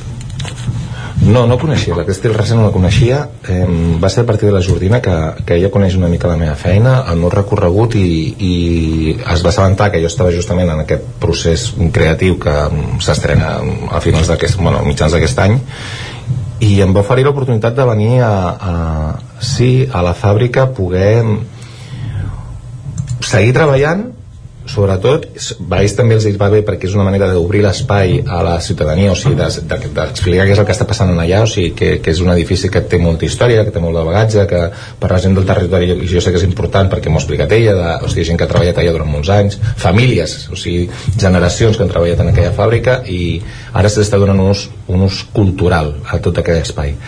Eh, per mi té, primer, la, aquesta càrrega emocional de ser un lloc industrial que a mi em toca directament per el tipus de feina que estic fent i l'homenatge que jo faig a la matèria però d'altra banda sí que eh, em ve molt bé poder estar en espais on el ritme per treballar, l'energia per treballar són tranquils, no hi ha gaire gent a l'espai, a mi em ve molt bé per estar en silenci, per estar practicant, per, per això que he estat repetint durant una estona, que és aquesta prova i error. Si jo no tinc, si no tinc el, la facilitat de poder accedir a aquest tipus d'espais i és molt difícil que pugui provar totes les meves pàjares que tinc al, que tinc al cap amb, amb, amb aquestes idees. No és el mateix pensar en un estudi petit que pensar en un espai gran. És a dir, el teu imaginari, quan tens un espai gran, doncs funciona d'una manera, quan tens un espai petit funciona d'una altra manera. Per tant, agraeixo molt que em, deixin, que em donin l'oportunitat de posar els meus imaginaris a dintre d'aquests espais, perquè sí que tenen cabuda. Ah, has dit que s'estrena en mitjans d'any aquest espectacle aquí a Cardedeu. El podrem tornar a veure el 4 de juliol amb la programació de Vespres de, Vespres de juliol. Què podrem veure aquell dia? O serà l'ex final o l'estrena? Espero i desitjo l'espectacle acabat. Pràcticament això és el que espero i desitjo amb molta força. Eh, veurem jo intentaré que el que veieu sigui un, un espectacle proper un, Sí, un, un espectacle que, que mi, més que a mi m'identifiqui, hòstia, que la gent s'hi pugui, pugui sentir còmode veient el que passa, que, es, que dongui peu a l'imaginari. Jo no faig espectacles narratius, és a dir, jo no, no tinc a priori, o sigui, sí que està narrant una cosa, però dono molt espai a que aquelles imatges i aquell contingut que hi ha profund sigui l'espectador i l'espectadora que faci també un, un, un tra tampoc és una, no és una palla mental eh, però hòstia, ofereixo un, una mena d'imaginaris que no que mm, no són tan obvis sinó que la gent els ha de... Els ha de buscar i pensar. Bueno, sí, ha de, ha de deixar-se una mica embarcar per aquest imaginari. I aquesta és la idea, la idea és que vingueu i que, i que ens embarquem en això és senzill, o sigui, agafa una idea, és una sola idea, ja ho he dit abans, no? és un senyor amb uns tubs de ferro, que aquests tubs de ferro, a poc a poc intenta fer-los lleugers. O sigui, et pots quedar en aquesta, pac, en aquesta capa, o si tens ganes d'anar-hi més enllà, doncs trobaràs més profunditat, evidentment. I en això estic, espero que el 4 de juliol la cosa estigui una mica ben encarada, la veritat, hauria d'estar ben encarada. Perquè ara la idea quina és? No s'ho serà encara, encara no ho sabem, però La idea anava a dir quina és ara fer aquestes proves d'assaig-error en altres eh, espais també, eh, abans de, de l'estrena, i no sé si això ho estàs compaginant amb altres propostes o altres espectacles que, que tinguis en cartera. Sí, la idea és aquesta, la idea, la idea la meva manera és seguir, seguir provant fent prova i error a diferents espais de residència que tinc. Tinc residències al, al Teatre Canal de Girona tinc una residència a França a Lió, tinc una residència d'uns dies a Portugal. Em vaig tenir residències on se- segueixo treballant amb aquestes coses i segueixo fent la prova i error de tant per mi per als assajos com per les proves, les mostres públiques. Això seguirà. Eh, Sí, i a part que tinc també mostres de diferents jocs que em donen l'oportunitat de poder fer l'espectacle sense un treball previ de residència. Dir, vale, què passa? Arribo, monto, faig l'espectacle i veig què passa. Pues això també passarà abans de, abans del, de l'estrena a Cardedeu. Això va passant que és el, el projecte vital que tinc jo ara artístic i després el que m'acompanya des de fa uns quants anys és un espectacle que es diu Pelat que vaig, de fet és graciós perquè jo el vaig preestrenar a Cardedeu fa 11 anys. Sí, 11 anys fa. Eh, a les festes alternatives va ser l'Andreu qui em va acompanyar bueno, en fi, va ser, va ser una experiència molt bonica perquè estava, estava just als inicis el, a, a, ell el va veure no sé on i va dir, hòstia, m'agrada molt la idea crec que això ho hem de portar a Cardedeu just a, a les alternatives. I va anar perfecte per aquesta mena d'experiències de dir prova i error, aquí el faig. I aquest espectacle pelat és un espectacle fa això, doncs 10 anys que el faig oficialment 11 12 des que vaig començar a fer pràctiques amb ell i, i segueix voltant per tot el món. És un, de fet és gràcies a aquest espectacle que està en un espectacle d'espai públic on comparteixo també responsabilitats amb l'espectador que m'ha obert una mica el camí a, a, a seguir poder fent aquestes coses i sobretot que la gent programadors, gestors culturals confien en el tipus de feina que jo faig. Eh, m'avala una mica la, o sigui, la meva feina l'avala una mica aquest espectacle Doncs eh, Joan Català que està treballant amb aquest nou espectacle Idiòfona, ens quedem amb aquest nom. S'estrenarà el 4 de juliol a Cardedeu però mentrestant va fent aquestes proves assaig-error en diverses residències la primera, la més imminent aquests dies com, com bé explicàvem a, aquí a la Tèxtil Rasa de Cardedeu. Gràcies Joan, sort i encerts. Merci, adeu, bon dia, que vagi bé. Gràcies també Pol per acompanyar-nos un matí més Bon dia. Fins ara. Avancem al territori 17. Hem parlat d'aquest projecte de creació artística, però tenim més propostes per explicar-vos. Ara, tot seguit, és el moment d'endinsar-nos en els ODS, els Objectius de Desenvolupament Sostenible.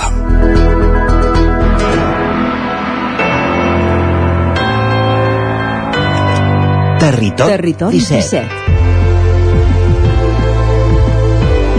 Territori 17.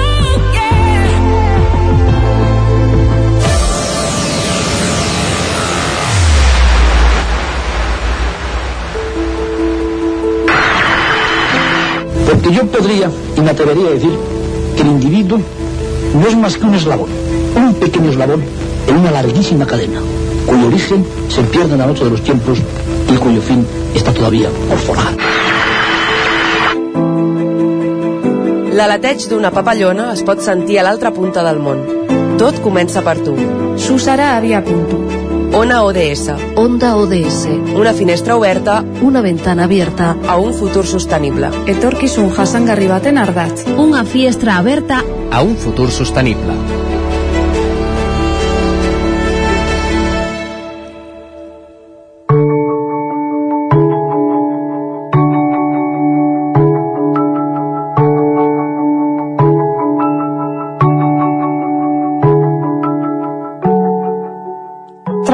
L'antiga sala polivalent d'un centre cívic en desús en cinc habitatges socials d'emergència. Aquesta ha estat la iniciativa de l'Ajuntament de Caldes de Montbui, que aquest setembre ha posat en marxa cinc nous pisos socials construïts en el que va ser una sala de teatre del centre cívic Manolo Huguer, que feia anys que estava en desús. Parlem amb Jordi Martín, regidor d'Habitatge i Acció Climàtica de l'Ajuntament de Caldes de Montbui i impulsor d'aquesta iniciativa que aposta per l'eficiència.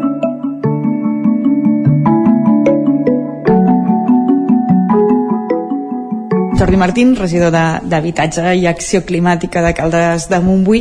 Eh, comencem pel principi. Eh, aquests habitatges eh, a l'antiga sala polivalent del Centre Cívic Manuel Huguer, d'on surt la idea de transformar una sala de teatre que no s'estava utilitzant amb cinc habitatges per, per, bueno, per un col·lectiu de persones. Hola, bon dia. Bé, doncs la, la idea sorgeix de la, de la necessitat d'habitatge al nostre municipi, evidentment. Nosaltres, des del principi d'aquest mandat, hem començat a fer una política activa en matèria tant de dret a, la, de dret, de dret a accés a l'habitatge com de protecció d'aquest accés a l'habitatge i en quant al dret a l'accés a l'habitatge el que hem fet és tirar endavant diferents iniciatives d'habitatge públic al nostre municipi. Una d'elles, com molt bé comentes, és l'habitatge que hem anomenat polivalent, en el qual d'una sala que estava en desús, que realment no s'utilitzava per diversos motius, principalment perquè està en una planta primera i eh, el, durant, des de que existeix s'han anat fent diferents sales noves públiques que, tenen, que, doncs, que estan en planta baixa, que tenen més, millor accés i que tenen eh, millors eh, qualitats per fer les funcions de sala polivalent. Per tant, havia quedat una mica en desús i el que vam dir és necessitem habitatge públic, tenim una, una sala eh, que no estem utilitzant i que podem convertir relativament fàcilment en cinc habitatges. A més a més, a la planta baixa d'aquest immoble també hi ha habitatges privats, però també hi ha habitatges, per tant, és molt coherent posar habitatges eh, damunt d'habitatges. El primer moment que planteges a, a aquesta idea, no sé si el govern, els tècnics, etc, eh, els sorprèn aquesta voluntat de reconvertir un espai. Mm -hmm. Òbviament no és lo habitual, però per sort el, el planejament ho permetia justament per això, perquè en aquell, en aquest mateix immoble ja, ja hi ha habitatges i va de seguida va semblar una bona idea perquè era un, un tipus d'habitatge del qual no en teníem que són habitatges més petitets i que van a cobrir una necessitat molt important que tenim en el municipi, que és les persones que queden desnonades. Per tant, eh, en, la situació, en una situació de desnonament, que no se'n produeixen molts a Caldes, però que sí que se'n produeixen, el que fem és habilitar algun espai per, perquè aquestes persones, evidentment, no dormin al carrer. Aquest habilitar un espai sovint era un hotel o una pensió. Per tant, vam creure que era molt més interessant que aquestes persones poguessin estar en un habitatge per una qüestió, òbviament, de dignitat personal. Eh, Posar-ho en una antiga sala polivalent doncs ens ha permès, d'alguna manera, eh, reutilitzar un espai, per tant, estem parlant d'un tipus d'economia, podríem dir-ne circular, no de nova creació eh, sinó de reutilització i per tant l'empremta eh, en emissions de CO2 que té una operació d'aquesta tipologia és inferior a fer habitatge d'obra nova per tant ens va semblar interessant. I sí, té un punt d'innovador o, de, o, de, o de bona gestió dels recursos públics. També si és més eficient amb els temps de construcció eh, heu trigat menys amb aquesta opció que si haguéssiu decidit construir un edifici de nou? Efectivament, el fet de rehabilitar, reutilitzar eh, porta menys temps en, en, en, en tots els, a tots els nivells, tant des de la redacció del projecte fins a l'aprovació de, definitiva, etc etc. doncs és una mica més curta la tramitació. També el temps d'obra, perquè tens una bona part que no has de fer, l'estructura ja la tens feta, en aquest cas es va haver de reforçar una mica la coberta, però eh, els tempos de l'obra han sigut més curts que una obra, que una obra d'obra nova, de, que comences des de zero, perquè estàs, ja tens una bona part que ja la tens feta. Quants pisos hi ha i quines característiques tenen? Molt bé. Doncs d'una sala polivalent que no, que no utilitzaven, tenim ara 5 pisos d'aproximadament uns 36-40 metres quadrats que, eh, i una zona comú. La zona comú és molt interessant també, però la, la, la distribució que tenen interior dels pisos és una sala cuina-menjador amb, un, amb un únic espai i després una habitació doble per cadascuna de les, per cadascun dels habitatges. Eh? Per tant, una sala de cuina-menjador, una habitació doble i, evidentment, un bany. Això queda complementat per una zona comú eh, pels cinc habitatges, que és una terrassa, que el que permet és, per un costat, mm, fer comunitat, per, ja que, per exemple, el que són les, les rentadores són eh, comuns per als, pels cinc habitatges, i un petit espai amb una taula de jardí, diguéssim, amb, amb, amb cadires, etc perquè si hi ha, per exemple, si hi ha nois eh, que estan a edat escolar puguin fer els deures a la terrassa, si volen, o simplement intercanviar una tarda xerrant o llegint llibres a, a, a aquestes persones que visquen en aquest immoble. L'edifici també té elements de, de sostenibilitat, eh, hi heu instal·lat plaques també? Correcte. El, el tema de la sostenibilitat l'hem tingut molt en compte amb, per, per dues, per dues eh, a part de, de, de la reducció de l'empremta d'emissions de carboni en la construcció al ser una reutilització també hem treballat molt el tema de l'aïllament eh, hem aïllat molt millor l'edifici de com estava abans. És evident que un edifici que tingui 20-30 anys, els aïllaments que es posaven en aquell moment, tant per normativa com per ús normal de, de l'arquitectura, eren molt inferiors als que posem ara, i hem treballat molt fer un millor aïllament, també hem canviat les fusteries perquè siguin fusteries molt eficients i a la coberta que eh, hi hem posat plaques fotovoltaiques. Aquestes plaques fotovoltaiques tenen una doble funció. Per, una, per un costat, l'autoconsum en aquests cinc habitatges, per tant, la reducció en la factura de les persones que hi visquin, i també, com que a Caldes de Montbui hi tenim una recentment creada comunitat energètica local, part dels quilowatts que hi ha al damunt d'aquesta coberta són compartits amb ciutadans que estiguin dintre del radi de eh, possibilitat de compartir aquesta, aquesta energia. Hem anat parlant de les persones que visquin, abans apuntaves aquests casos de, de persones que han estat desnonades, són habitatges d'emergència. A qui estan destinats i com eh, s'escullen les persones que hi viuen? Molt bé.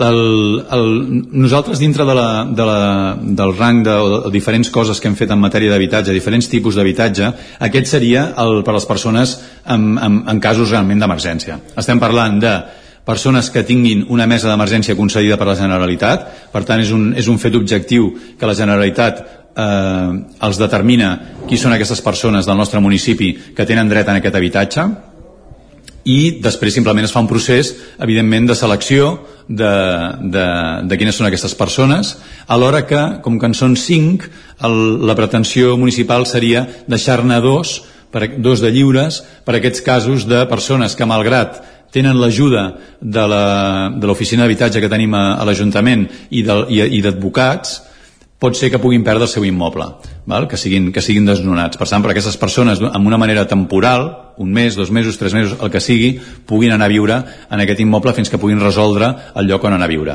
Per tant, estem parlant de la, de, dels habitatges més d'emergència de tots els que són, en principi, de, de l'àmbit públic. Des de que es va posar en marxa fa pocs mesos, com està funcionant? Està funcionant bé, ja hi tenim dos, dos, eh, dels, dos dels cinc ja estan ocupats, per tant eh, eh, ja hem resolt eh, la, la necessitat de, de vivenda de dues famílies. La idea és que sempre n'hi hagi algun de buit per, per emergències d'última hora. Eh, Posem-nos, per cas, per exemple, un cas de violència domèstica que s'hagi de marxar de casa d'un dia per l'altre. O si en, es dona el cas de que tots cinc eh, estan ocupats, després buscaríeu altres solucions. Clar, com a, com a Ajuntament, sempre que puguem, i sempre ho hem fet i ho seguirem fent, eh, resoldrem la situació, les situacions aquestes més dures que pot patir una família.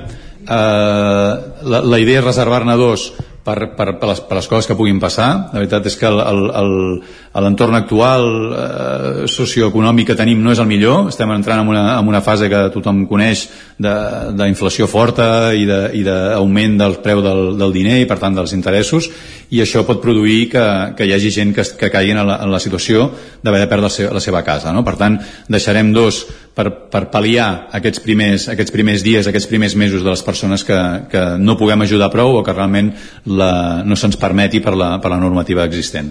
Aquest no és uh, l'única construcció que teniu utilitzant un element que ja no s'utilitzava. Uh, canviem de tema i d'usuaris també perquè esteu engegant aquesta construcció d'aquest bloc de pisos joves fet amb contenidors marítims reciclats en aquest cas. Correcte, ho expliques molt bé. Dintre d'aquesta política d'accés a l'habitatge hem fet diferents operacions des d'una cessió del dret de superfície d'un solar públic a una cooperativa d'habitatge per 90 anys, que és una, que és una, una magnífica també eh, possibilitat de fer habitatges que no estiguin dintre del, del, del, de, de, del mercat. També hem tirat endavant una iniciativa de 8 eh, pisos per a joves, joves amb dificultat per emancipar-se al nostre municipi, joves que tinguin feina però que tinguin molta dificultat per trobar un pis que s'adequi a la seva capacitat econòmica i per tant no volem que els joves de Caldes marxin i perquè això no passi doncs hem tirat endavant, en aquest cas sí una iniciativa d'obra nova un, 8 habitatges en un, en un solar públic que hem construït d'una manera relativament innovadora que és utilitzant contenidors eh, reciclats, reutilitzats, marítims, contenidors que ja han fet la seva vida útil, que han estat 10 anys voltant pel món i que ara eh, estan a Caldes, eh, han sigut transformats per poder formar part de, de l'estructura d'aquest immoble.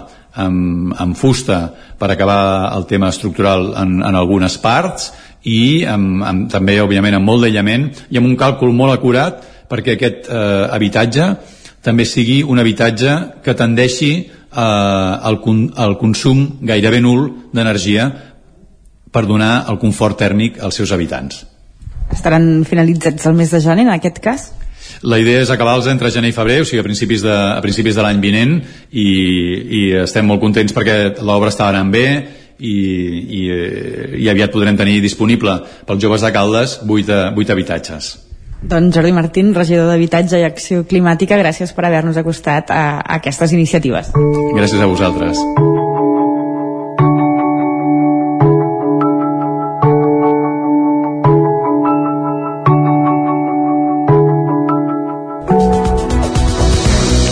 És moment al territori 17 d'actualitzar-nos, de posar-nos al dia amb les notícies més destacades de les nostres comarques, el Vallès Oriental, l'Osona, el Ripollès i el Moianès, i ho fem en connexió amb les diferents emissores que dia a dia fan possible aquest programa, una codinenca a la veu de Sant Joan, Ràdio Cardedeu, Ràdio Vic, el 9 FM, Twitch, YouTube, i el nou TV i també a través del nou TV a la nova plataforma La Xarxa Més. Com dèiem, és qüestió de posar-nos al dia amb notícies com el fet que a Catalunya un de cada 100 nadons neix amb una cardiopatia congènita. Aquestes malalties poden ser simples, moderades o complexes amb una varietat de més de 300 diagnòstics diferents. Hem conegut un cas d'una família d'Osona. Sergi Vives. En concret, coneixerem el cas de l'Elda, la filla d'Eva Casanova i Eduard Gallego de Sant Miquel de Balenyà, que aviat farà 3 anys i té estenosis aòtica i dilatació de l'aorta ascendent. La seva mare explica la sorpresa que van saber que quan van saber que la seva filla, recent nascuda, necessitava un cardiòleg. Quan ens van dir hem avisat el cardiòleg pediàtric va ser, perdona, al cor? un nadó al cor, no? Va ser com, no, no sé si és una malaltia de gent gran, no? Però sí, sí, ens van dir que hi ha bueno, un de cada 100 nadons neix amb una cardiopatia i bueno, l'Elda en tenia una, venia amb una cardiopatia que no esperàvem i que no, que no ens havien detectat. Des del moment que va néixer hi havia a l'horitzó que l'Elda li haurien de fer una operació a cor obert per reparar aquesta vàlvula i la horta ascendent, una situació que han intentat anar aplaçant segons Casanova. Ens van dir que segurament abans de l'any s'hauria de fer una intervenció i vam poder anar aplaçant. L'únic que aquest estiu sí que ella va perdre el coneixement i arrel d'aquí ens van dir que segurament s'hauria de fer aquesta intervenció Ara fa un mes li van fer un cateterisme, és a dir, una prova que permet valorar l'anatomia del cor i les artèries coronàries. Amb això han pogut obrir una mica més aquesta vàlvula per tal d'anar a guanyar temps abans de la intervenció. Arren d'aquesta prova, la família es mostra contenta, ja que l'Elda té més energia, ganes de menjar i fa més bona cara. El nombre total de llocs de treball a la comarca d'Osona ha augmentat un 3,5% el 31 de desembre de 2022 respecte a un any enrere. Fins als 75.000 treballadors, la xifra més elevada des de 2008, Sergi. Aquest creixement és més intens que el registrat al conjunt de Catalunya, un 2,7%. Si es compara la xifra de tancament amb el del 2019, abans que esclatés la Covid-19, el nombre de llocs de treball s'ha enfilat un 8,8%. Segons el tipus de règim d'afiliació, s'observa un creixement del 4,4% entre els assalariats, mentre que el nombre d'autònoms disminueix lleugerament un 0,4%.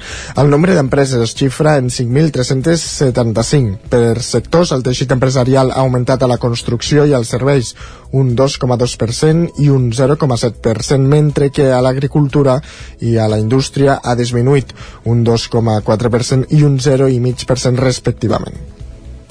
Gràcies, Sergi. Més qüestions. La policia local de Ripoll deté, fa un detingut, deté una persona relacionada amb diversos robatoris i, i l'entrega tres més als Mossos d'Esquadra. Isaac Muntades, la veu de Sant Joan.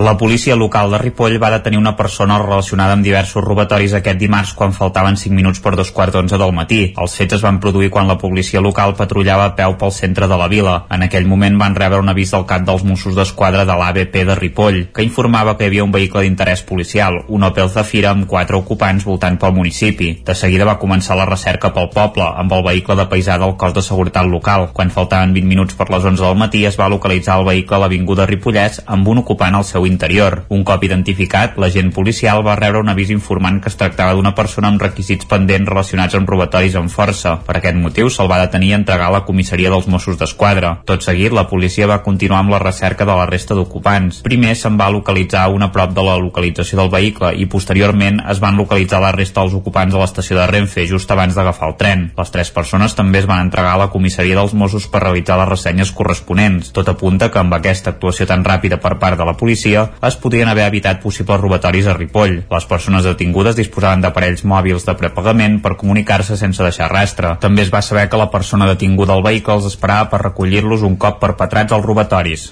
Doncs una crònica amb detinguts a Ripoll, més qüestions. L'Escola Bressol Municipal Mestre Gener de Sant Feliu de Codines ha començat a promoure el consum i producció responsable per tal de combatre el malbaratament alimentari. Roger Ram, zona codinenca. Amb accions com ara pesar el menjar que es fa servir, valorar les quantitats que es desaprofiten i revisar el gènere que es compra o adquirir productes de caducitats més llargues són algunes de les noves accions que s'han implementat recentment per tal d'afavorir aquest canvi. Les formacions s'engloben en el Pla de Prevenció que el Departament d'Acció Climàtica, Alimentació i Agenda Rural de la Generalitat de Catalunya persegueix per tal de reduir el malbaratament alimentari en concordança amb l'objectiu de les Nacions Unides de cara al 2030, els ODS. Laura Petit és la regidora d'Educació a l'Ajuntament de Sant Feliu de Codines. Bressol de Sant Feliu de Codines, l'Escola Mestre Gener. S'ha començat un programa contra el malbar malbaratament alimentari. Llavors, bueno, seguim unes línies diferents. L'una és una formació sobre aquest tema a la gent que treballa a la cuina i a la direcció del centre i s'han pres altres mesures com per exemple intentar controlar una mica més el menjar que es llença, comprar productes de caducitat molt més àmplia per no haver de llançar tant menjar, etc etc. I esperem que això doni els resultats que, que es puguin veure en, en un futur proper. Conscients de la preocupació social i la repercussió ambiental que el malbaratament alimentari genera sobre el planeta, des de l'empresa gestionadora del centre Cavall de Cartró s'han conscienciat sobre el procés que comporta la despesa i generació dels aliments. En aquest sentit, l'entitat defensa que impulsa el canvi des de les escoles Bressol, fent partícip l'alumnat, ajudarà a que els joves del futur siguin més responsables i tinguin una major consciència de les conseqüències socials i mediambientals de llançar menjar. Gràcies, Roger. Més qüestions. Maire Costa, quan encapçalar la candidatura de la CUP a Manlleu les eleccions de 2019, no es presentarà als comicis del proper 28 de maig. En una entrevista al Nou TV explicava que tanca la seva etapa al consistori perquè per motius personals i laborals no hi podria tenir la dedicació necessària en el proper mandat. Costa considera que l'equip de govern que comparteixen Esquerra i Junts no té un model de ciutat i que els republicans han pres decisions que qualifica de polítiques de dretes el discurs que s'ha donat eh, s'han donat suport uns als altres però ens ha sorprès moltes decisions no? sobretot des d'Esquerra Republicana acceptant eh, polítiques o actuacions que són molt de dretes no? amb seguretat, amb convivència amb habitatge amb educació fins i tot Costa també es mostrava contrària a fer una comissaria dels Mossos d'Esquadra a Manlleu. Des de la CUP, una comissaria dels Mossos a Manlleu no ens agradarà veure-la mai. El que cal no és posar més policia per a la delinqüència, sinó que el que cal és fer una anàlisi real de la situació, de la, de la, del context social i de, de les situacions concretes que hi puguin haver de violència, però treballar-ho des de la transversalitat d'un ajuntament, començant per, per assegurar que les persones tindran satisfetes les necessitats bàsiques, no? La regidora de la CUP ho complementava dient que si en comptes de posar mestres, educadors o engegar activitats formatives s'inverteix en policia, cada cop hi haurà més gent desatesa que no veu com sortir-se. Com sortir -se. Segons ella, el que fa això és eh, fer créixer l'exclusió i els problemes de convivència. Gràcies, Sergi. Més qüestions. La policia local de les Franqueses del Vallès estrena una oficina de denúncies i atenció ciutadana al barri de Bellavista. Pol Grau, Ràdio Televisió Cardedeu. La policia local de les Franqueses ha presentat aquest dimarts la nova oficina de denúncies i atenció de la ciutadania de Bellavista, situada a l'edifici de Bellavista Activa, al carrer Rosselló. L'oficina estarà oberta de dilluns a divendres, de 8 del matí a 2 de la tarda, coincidint amb l'horari de la resta de serveis que hi ha al mateix edifici, com l'oficina d'atenció al ciutadà. L'alcalde, Francesc Colomer, ha explicat avançant que l'horari s'anirà ampliant en el futur, quan hi hagi més efectius a la policia. En aquest sentit, ha anunciat que aviat començarà el procés de selecció per incorporar 6 nous agents aquest mateix any i que l'any que ve se n'incorporaran 4 més, amb la qual cosa la plantilla passarà de 32 a 42 efectius. Colomer ha lamentat que les incorporacions no es puguin fer abans per culpa de la llei de pressupostos que no permet ampliar plantilla si no és per reposició de baixes. L'alcalde ha afegit que, quan es disposi de prou efectius, es posarà en marxa la policia de proximitat que podrà patrullar a peu de parella vista i també per corró de vall. Golfon, l'operador de telecomunicació de telecomunicacions nascut l'any 2010 a Osona, continua creixent, ara sota una nova marca, Vera, després de la fusió, amb dos operadors més. Som del Bages i Guana de la Noia. Aquestes tres companyies han unit forces aquest mes de febrer amb un objectiu, deixar un llegat en forma d'infraestructura pròpia que abasti al màxim del territori possible. Una companyia que tindrà seu a GURB amb Marc Mundó, un dels fundadors de GoFon, com a conseller delegat. Home, és un pas endavant, és a dir, el, el mercat de les telecomunicacions lluitem contra grans empreses a nivell estatal i el fet d'ajuntar-nos ens dona força per poder continuar fent el que fèiem i lluitar contra aquestes grans empreses. Eh, no res més que la, la unió, la fusió de tres empreses a Catalunya que estàvem doncs, treballant de manera similar, desplegant infraestructures de fibra òptica al territori, segurament on, on, on la majoria de gent no, no arriba, amb la fusió, les tres companyies sumen 180 treballadors i tenen presència a 15 comarques catalanes, arribant ja a més de 50.000 famílies. Tal com ho feia GoFund, Vera ofereix solucions de connexió a internet a través de fibra òptica pròpia, telefonia mòbil fixa i serveis d'energia a tot Catalunya. També dona opció als seus clients de contractar el seu servei d'energia 100% verda, tal com explica Mundo una de, de les línies de negoci que, que vam, vam començar doncs, ja fa un parell d'anys pràcticament és la, la línia de, de comercialitzar energia verda i aquest era el primer pas també per poder ajudar doncs, el territori igual que amb les infraestructures de fibra òptica podem eh, participar en la digitalització del nostre país doncs també a, a través de la instal·lació de, de plaques solars fotovoltaiques ajudar a, a la gent que viu a, a Catalunya doncs, a, a, a poder doncs, tenir aquesta bueno, a garantir-se aquesta sostenibilitat del territori. GoFund va néixer a Osona l'any 2010. El mateix any va néixer Som Fibra, l'operadora del Bages, que a finals de 2021 ja va ser adquirida per GoFund. Dos anys després, el 2012, va néixer Iguana, la noia. Amb més d'una dècada per separat, ara totes tres comencen una nova aventura en comú. Gràcies, Sergi. Acabem aquí aquest repàs informatiu que començava amb el punt de les 10 en companyia de Sergi Vives, Roger Rams, Pol Grau, Isaac Muntades. És moment al territori 17 de saludar també en Pep Acosta, el nostre home del temps. El trobem a una codinenca, el tenim a una codinenca i cap allà que anem.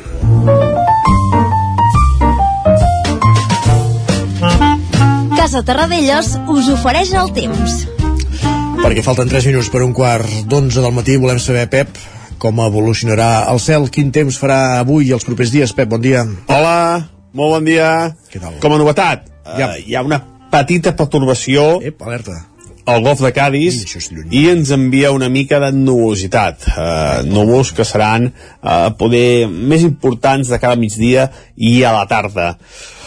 Això ha provocat eh, dues coses. Eh, les temperatures mínimes han pujat, eh, hi ha molt poques glaçades avui, eh, les temperatures mínimes van pujar aquests últims dies, no està fent fred i ara aquestes últimes nits, eh, amb, unes, amb una recuperació de temperatures eh, una mica important a les nits, i durant el dia les temperatures baixaran, eh, baixaran 1 o 2 graus eh, fruit d'aquesta major eh, major eh, nubositat, eh, més núvols que hi haurà durant el dia d'avui al migdia farà que la temperatura baixi una mica, però bueno, eh, poc, eh, baixarà 1 o 2 graus respecte a ahir, eh, vull dir que una, una baixada eh, poc, poc apreciable.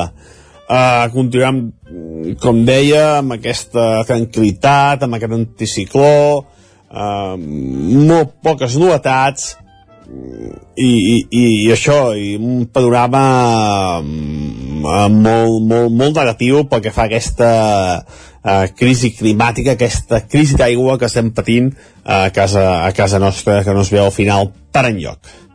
Veurem la setmana que ve si és una mica més animada, però és que tampoc no pinta gaire més animada, eh? vull dir que déu-n'hi-do, déu nhi la situació meteorològica que estem patint des de ja fa molts i molts mesos. A disfrutar el dia d'avui i que vagi tot molt bé. Adeu! Gràcies, Pep. Moltíssimes gràcies. Ja coneixem la previsió del temps per les properes hores. Seguirem com evoluciona tot plegat. Avancem al territori 17. Casa Tarradellas us ha ofert aquest espai. Territori 17. Envia'ns les teves notes de veu per WhatsApp al 646 079 023. 646 079 023. WhatsApp Territori 17.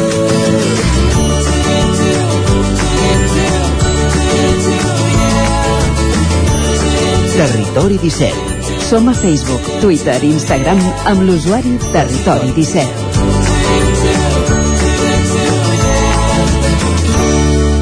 Mig minut perquè sigui un quart d'onze del matí.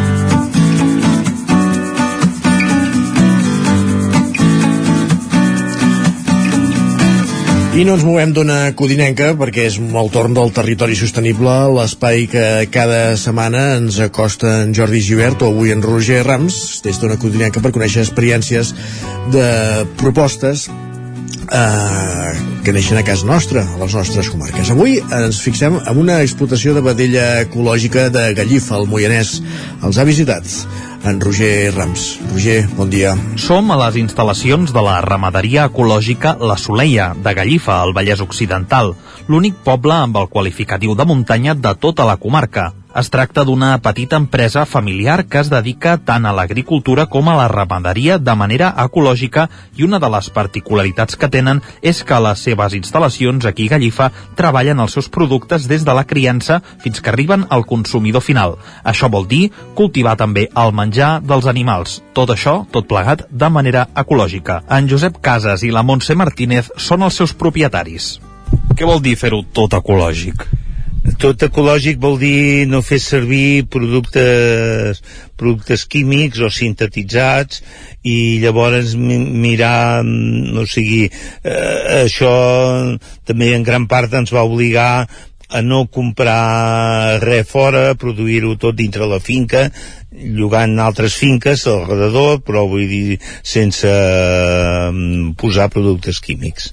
I està controlat que tot el que comprem, tot el que sembrem eh, i tot el que collim, eh, vull dir, té que ser sense adobs, sense productes químics, sense que no tingui una, traçabil una traçabilitat des del principi que sigui ecològica. Uh, anem amb tu, Montse. Uh, ens explicàveu, no?, ara fora de, de micròfon, de quina manera està afectant també la sequera que estem patint arreu del territori. En el vostre cas, aquí a la granja, es nota especialment, uh, imagino que en l'alimentació dels animals? Sí, primer els animals, les vaques mares, diguem que són les que estan pasturant i són aquestes de que amb la falta de pluja doncs hi ha molta falta d'herba en el bosc amb la qual ja l'alimentació de les mares eh, disminueix. Quan això passa en èpoques ja normals doncs la intentem substituir o cobrir o, o almenys ajudar amb, amb les bales de ferratge que hem cultivat durant la primavera i estiu però també aquestes bales aquests dos últims anys han anat molt de menys per culpa de la sequera i llavors clar, ens afecta molt eh, amb l'alimentació de, de, de les vaques, dels vedells després eh, aquí, quan ja estan més aquí a la granja i, i això no? i això se nota molt amb el rendiment de la carn de, que no s'engreixen tant és, és un tema molt fotut vaja, últimament Perquè vosaltres eh, feu el producte des del seu inici més elemental fins que arriba al client final. Per tant, això també implica que vosaltres cultiveu el menjar de les vaques? Sí, sí, això cultivem. El que passa que abans era a l'hivern mai s'ha fet herba, o molt poca, i llavors eh, l'escollita de primavera i fins a principis d'estiu era el que allargàvem eh, durant, durant el resta de l'any.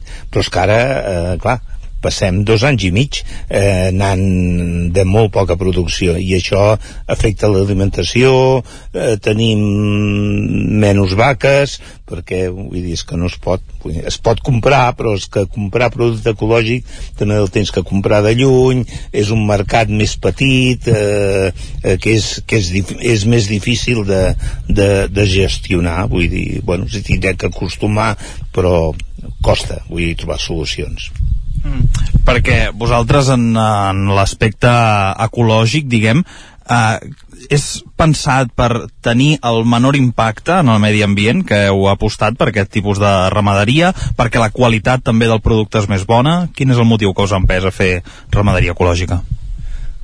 la qualitat és, és molt més bona i no queden residus o productes que, que passen en, a, en, a, en, a, en la trajectòria de la, de la producció i després eh, ja vam fer que només, no, només distribuïm Vallès Oriental i Vallès Occidental. O sigui que això també fa que eh, coses de gran de, de quilòmetres el comerç tot és més personal i més petit vull dir, bueno, és fem el mateix però el joc és, és diferent per arribar fins al producte final. I, i bueno, això també matem eh, a Sabadell. Bueno, és tot eh, tot va en funció d'aquest concepte i de, de minorar eh, els productes químics i, i la petjada del, del, del gasoil i totes aquestes coses Quins avantatges diries tu, Montse, que té la ramaderia ecològica envers de, de la que no és? I quins inconvenients també? Avantatges sobretot en si el que més ens vam trobar nosaltres aquest transpàs de llet a, a car, vam començar en car convencional i el, potser el que més era que depeníem d'un mercat exter, extern no? Tant de compra de tot el producte d'alimentació que llavors doncs eh, fèiem tant nosaltres sinó que teníem que comprar sobre el preu de mercat que no el dictava el dictava qui ens comprava els vedells no? llavors ens compraven els vedells venien aquí camions, eh, emplenaven el camió i adeu, i ells qui marcaven el preu qui i tal, no tenies tracte amb, directe amb el client i depenies d'un mercat que segons com anava no? ara, pues, bueno, Mm, avantatges eh, a nivell personal de tindre un tracte molt més amb el client del producte final, ja sigui un client eh, particular o ja sigui restauració, col·legis, cooperatives amb les que treballem, no? i que bueno, no depèn d'un mercat exterior que et marqui ja un preu de car, sinó al revés, que tu sobre el que tu fas pues, puguis treballar més sobre el que tu creus. Mm. També eh, aquí eh, vosaltres mm, elaboreu el producte, no? És a dir, un cop teniu l'animal, teniu... Vosaltres eh, elaboreu, teniu sala de d'espacejament? Sí, sí ten, ten...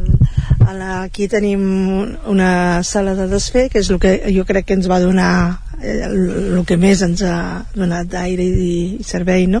perquè llavors sí que podem mm, tractar directament amb el client ja sigui restaurants o així doncs ja et demanen quan depens d'algú que t'ho faci que t'ho labori estàs més, més mancat aquí tenim la sala de desfer que un cop a la setmana treballem, treballem totes les comandes ens venen uns carnissers i llavors elaborem i ja servim directament al client final i això és el que ens ha pogut donar com més ventall de clientela no? perquè tindrem nosaltres el nostre propi obrador i els nostres propis carnissers i poder fer servir mm perquè vosaltres també feu la distribució del producte final? Sí, sí, la controlem, tenim una furgoneta i també fem aquesta, aquesta distribució, per això dic com a màxim Granollers, un poble o dos més cap enllà i, i aquí al, al Vallès Occidental també igual. Eh, i ho, ho mirem i fem que, n'hi hagi prou vull dir que la nostra producció es pugui a vegades ens diuen eh, voldríem que ens servissis no perquè no tinc prou producte eh, o sigui, tot, tot això és adequar l'oferta i la demanda eh, ajustar-la no? que, per, perquè no hi hagi ni, ni sobrants ni que te'n falti perquè tampoc no sabem ben bé com fer i a vegades amb alguna explotació que fa aquest, aquest, aquesta producció doncs, també tenim una cooperació eh, no sé que si ens falta una setmana doncs, doncs un animal o, o dos doncs, bueno, poder cobrir també la, la, la demanda. Però sense fer sense anar-se'n gaire lluny. I ara el, el, diguem la, la darrera pregunta cap on volem encaminar aquesta entrevista és eh, preguntar-vos quin impacte està tenint en el vostre cas el tema de la inflació, dels preus disparats, perquè ens fem un fart no, d'anar a les grans superfícies i veure aquests preus desbocats a vegades i la, la pujada eh, desorbitada que ha tingut molta matèria prima. En el vostre cas, com, com es tradueix això? Com us afecta? Ens afecta, evidentment, però d'una manera més, més, més petita el no veure tant moviment i anar cap aquí, anar cap allà, que és la moda d'avui en dia que, que això, pues, bueno mm, això tenim una ten, tenim una base que és pròpia que és d'aquí i el, els animals i tot això pues, encara que també molesta i, i pues, els tractors, els vehicles consumeixen gasoil i bueno, ten, tenim un augment de, de, dels costos però bueno, mm, tampoc és eh, a nivell internacional que allò ja no, ja no es domina ni, ni de lluny ja, també el gran avantatge poder és poder-nos fer nosaltres tot, no? Poder-nos fer nosaltres l'alimentació pròpia de, dels vedells, tindre l'obrador i fins-ho nosaltres, repartir nosaltres evidentment ens ha pujat la llum, ens ha posat el gasoil ens ha menjat, però per exemple poc pinso comprem a, bueno, la tapa els últims tres perquè els animals ecològics també de lo que es caracteritzen és que fins als 7 mesos estan en pastura eh, i mengen eh, llet de la mare i herba de, del bosc, bueno, sí que influeix la, el que dèiem abans, no? la pluja, però després en els tres últims fin, mesos finals que és quan els hi dones a, ja la farina que també l'elaborem nosaltres i tal pues, clar, si no has de comprar la matèria primera pues ja et salves de molt no? encara que ens hagi posat molt això gasoil, llum, eh, embalatge, tot el tema d'embalatge, de tal, però bueno, dintre del que ens afecta, no ens afecta tant potser com en un altre sector. Doncs moltíssimes gràcies per acompanyar-nos avui. La granja La Soleia va obrir les seves portes ara fa 10 anys i des de llavors sempre han practicat l'agricultura i la ramaderia ecològiques amb l'objectiu de minimitzar tant les emissions com la petjada mediambiental.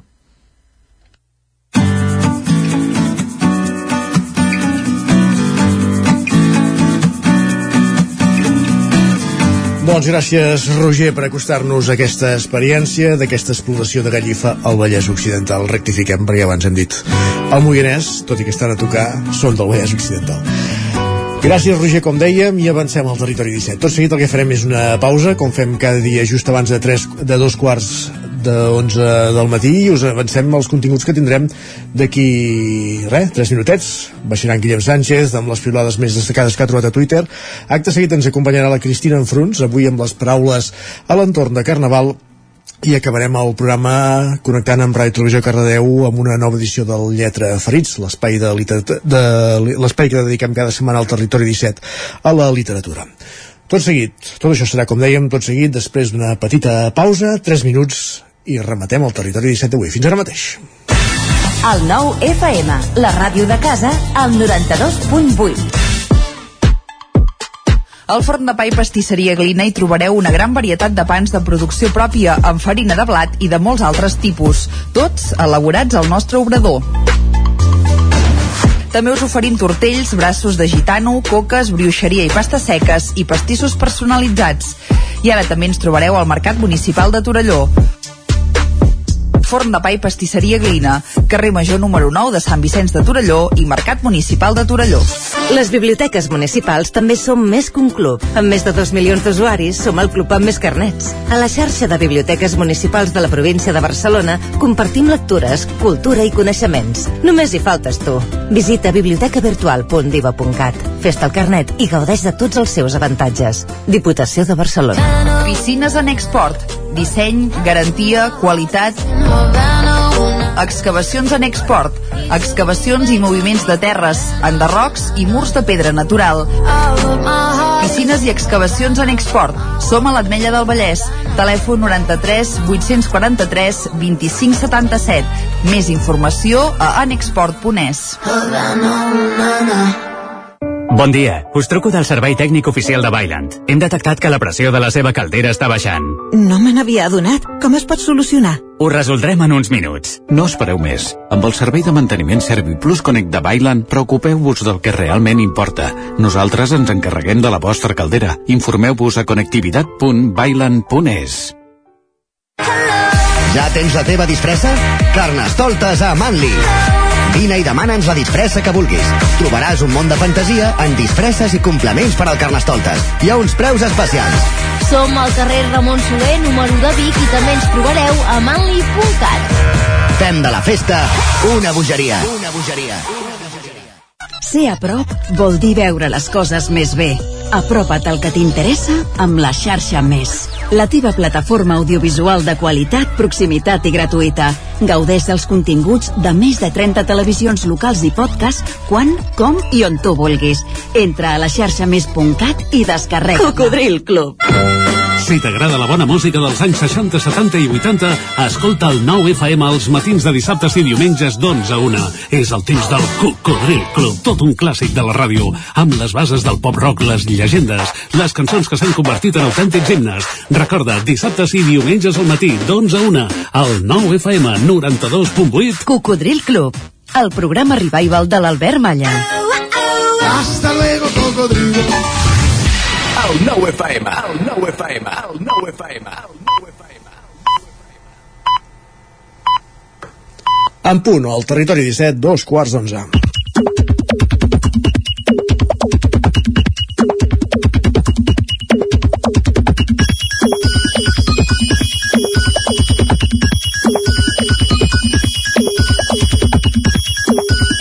I a dos quarts d'onze qui ens acompanya cada dia aquí al territori 17 no és ningú més que en, Guilles, en Guillem Sánchez amb qui repassem el més destacat que ha trobat a Twitter Guillem, benvinguts, Què bon tal? dia Com estem, com estem? Bé, i tu?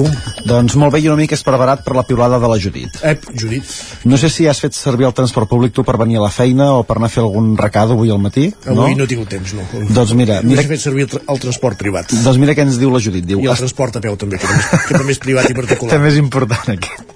Ens escriu la Judit, estava al bus i ens ha avançat un altre pel costat ple de nens i nenes d'uns 12 anys, diu, i tots se'ns han quedat mirant seriosos mentre aixecava el dit, ho estic fent ara sí, per aquí, sí, sí. diu, i vosaltres què tal al matí de moment? És a dir, qui aixecava el dit? Els nens de 12 anys seriosos o ella? Jo entenc que ella, perquè llavors li respon en Jofre Bardolet, i li diu, i generacionalment és bastant improbable que sàpiguen qui és Mr. Bean. Ah. Recordes, no? Alguna escena de Mr. Bean per allà també...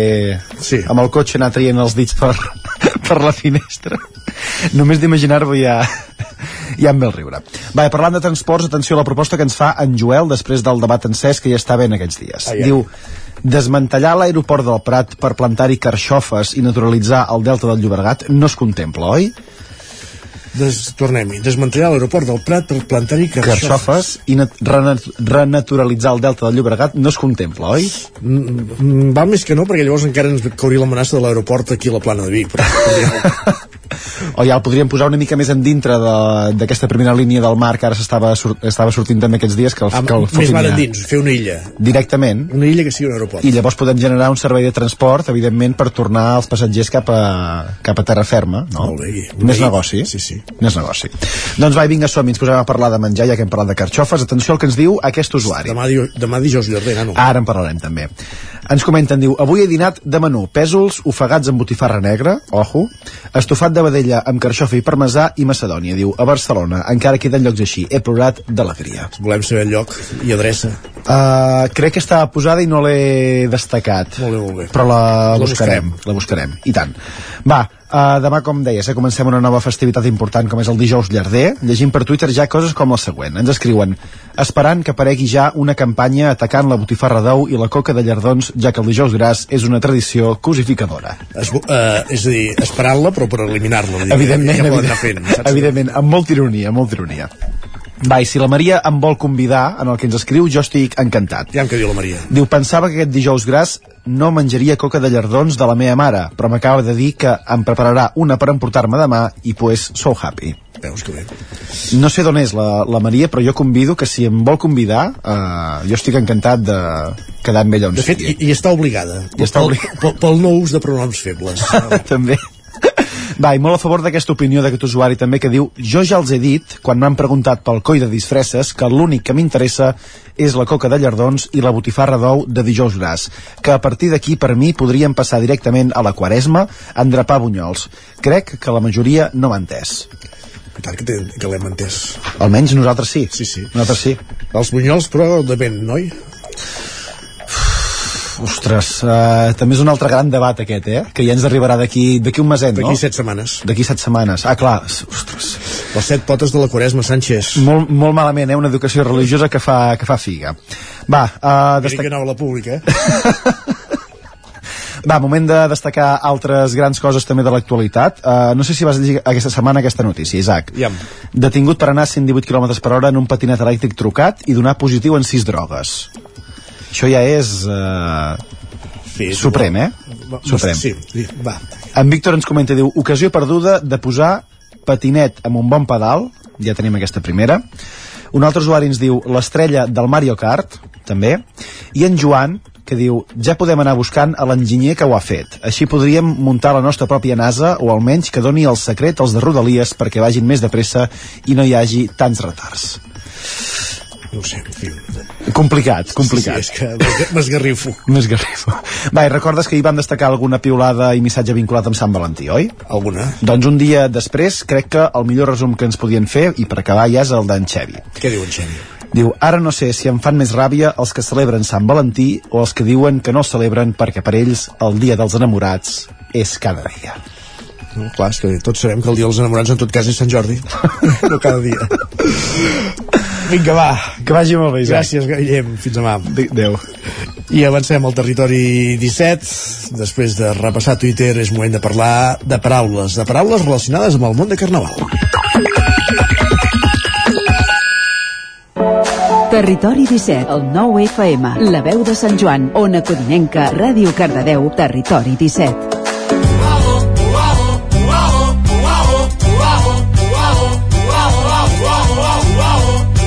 I amb qui parlem cada setmana de paraules, cada 15 dies, de fet, és amb la Cristina Enfruns, que ja la tenim a l'altra banda de la pantalla, si més no. Cristina, benvinguda, bon dia.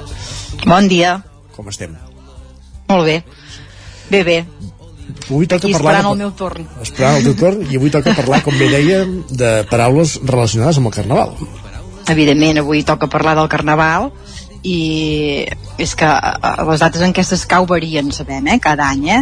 Igual que passa amb la Quaresma o la Setmana Santa, doncs eh, canvia. Aquest De fet, dijous... totes van lligades, aquestes tres festivitats. Aquestes. Exacte, sí, sí, sí.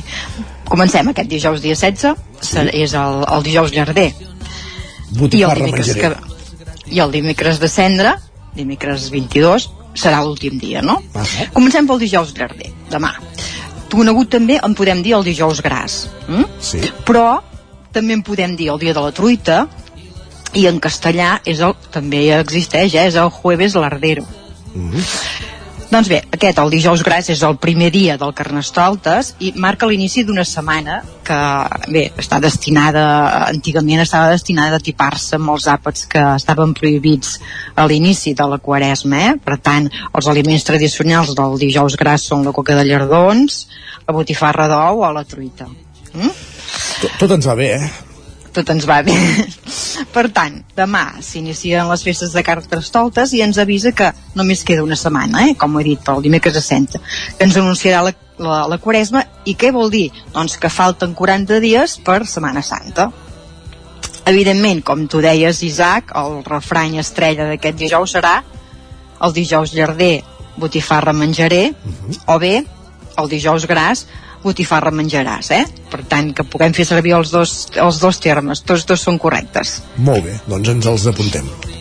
Bé, un altre tema. El carnaval o carnestoltes? Ui, Què passa aquí? debat. Com n'hem de dir, eh? Doncs bé, que sapiguem que en català les podem utilitzar totes dues, tot i que tenen un, orígens diferents. Segons ens diu el, el Gran Diccionari de la Llengua Catalana, carnaval ve de l'italià carnevale, procedent de carne levare, és a dir, un compost de carne i, o sigui, i levare, llevar, treure. Mm? Per tant, eh, eh, això marca l'inici del període de, de juny i abstinència de 40 dies que comença demà dijous llarder. Per altra banda, el carnestoltes, també, segons el Diccionari General de la Llengua Catalana, ve del llatí carne, carn, i tolites, que són carns llevades. Eh? És el nom habitual de, del carnaval als països catalans. Mm? I també designa eh, aquest ninot de palla, vestit amb roba que es crema l'últim dia. Eh? Per tant, carnestoltes és un, és un mot que en diem polisèmic. és a dir, que té més d'un significat, eh? El Per, a més i fer, festa. exacte, el període aquest i eh, el rei dels poques soltes que diuen, no?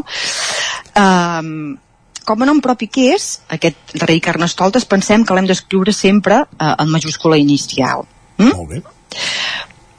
Per tant, eh, com he, dit, tant podem fer servir carnestoltes com carnaval per fer referència a aquesta festa i a les rues que, que li segueixen. Tot i que carnestoltes és potser el que té més tradició a casa nostra El més genuí. diríem, sí. és el més genuí. A l'hora d'escriure-les podem arribar a dubtar si, si, si ho hem de fer en majúscules o en minúscules. I tot depèn. Mm? Si volem fer referència a la festa en concret, la marcarem en majúscules. Però si, per contra, les fem servir com a noms comuns, llavors sí que la posarem en minúscules. És a dir, si nosaltres, per exemple, diem anem a la Rua de Carnaval de Barcelona, doncs aquest el posarem en minúscules. Que no s'hi ha, que no ha, de- no ha d'anar. A Barcelona no tenim moltes coses, però carna, Carnaval... Allà no hi hem d'anar. Carnaval Torelló, ja en està. tenim, en... doncs bé, depèn el context, l'haurem de posar majúscules o minúscules. Evidentment, Carnaval de Terra Endins ho Va, posarem en majúscules, evidentment, oi, no? Totes, Per totes, cert, totes. per cert, eh, pensem que aquesta paraula eh, també existeix eh, en castellà. I en diuen el carnes tolentas. Ah, sí? Carai. Car aviam si ho llegeixo bé, eh? Carnes, tolen carnes tolentas. I és la paraula carnestoltes en castellà. I, i és, no ho sabies, Isaac? No, i és personatge també o és només és nom? De... Hòstia, ara no ho sé, això. No ho sé. Suposo que sí. No, ara m'has matat, no ho sé. Jo crec que sí, igual com fem carnestoltes en català, eh? De refranys d'aquestes dates n'hi ha moltes. Sí. Eh, com que es, es celebren dies diferents segons el calendari lunar, hi ha refranys que fan referència a aquesta mobilitat, com per exemple, de tard o de primer, carnestoltes pel febrer, Uh -huh. o carnestoltes dona voltes, hm? per veure això. I aquesta diferència entre parlar de carnaval o carnestoltes també existeix en els refranys. I podem dir, per exemple, per carnestoltes totes les bèsties van soltes, sí. moments d'alegria i d'animació. Després de la Candelera, carnestoltes ve al darrere, També és cert. o bé, uh, si parlem de... Ep, és el que més val, Sí. O bé, el que és carcamal, tot l'any fa carnaval. Aquests serien també, alguns ha, dels també en coneixem alguns d'aquests, sí, sí. d'aquests carnavals. doncs bé, aquesta és una mica la història del carnaval i el carnestoltes. Doncs molt interessant. Uh, la paraula carnestolta segurament és la més genuïna a casa nostra, de totes maneres. Exacte. Les, els grans carnavals don, uh, adopten aquesta altra denominació. Sí, senyor. Sí, senyor. I també adopta aquesta denominació la cançó amb la que tanquem la secció, oi que sí? Exacte, sí senyor.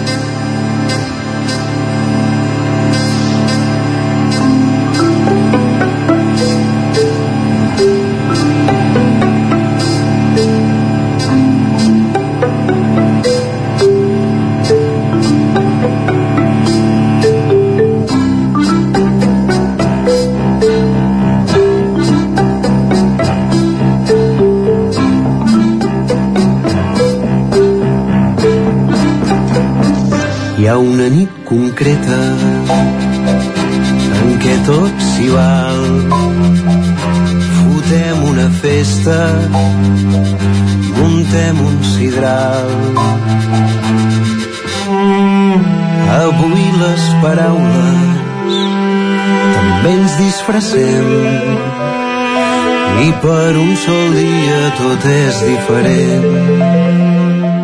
Mireu la tertúlia. Com entra triomfant ens va de conversa al punt elegant.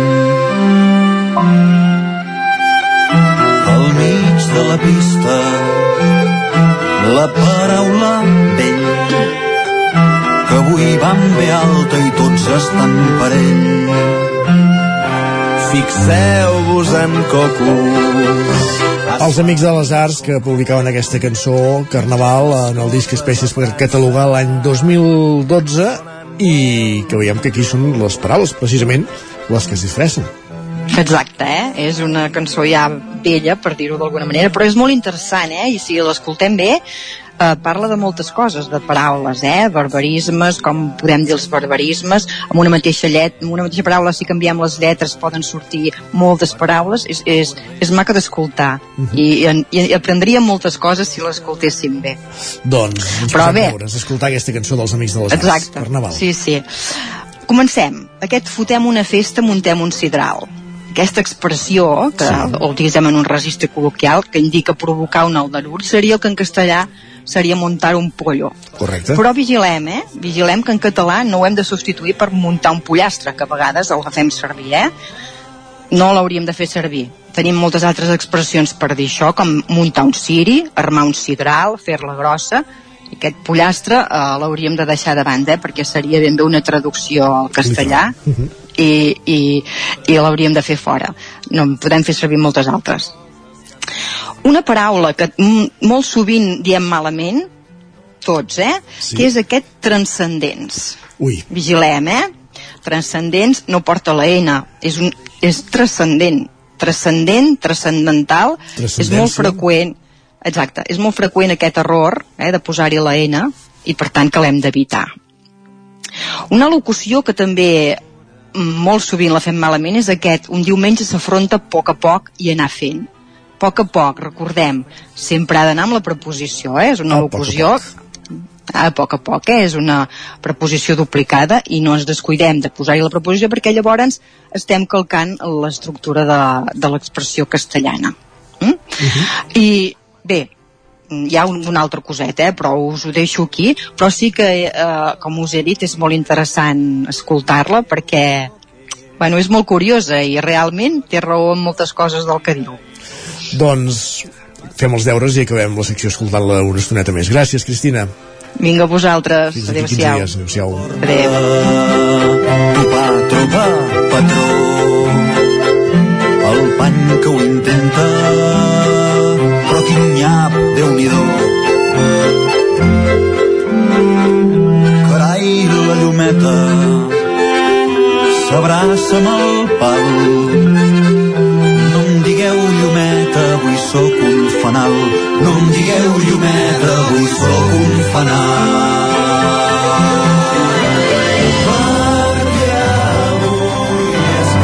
Territori, Territori 17. 17. Territori 17.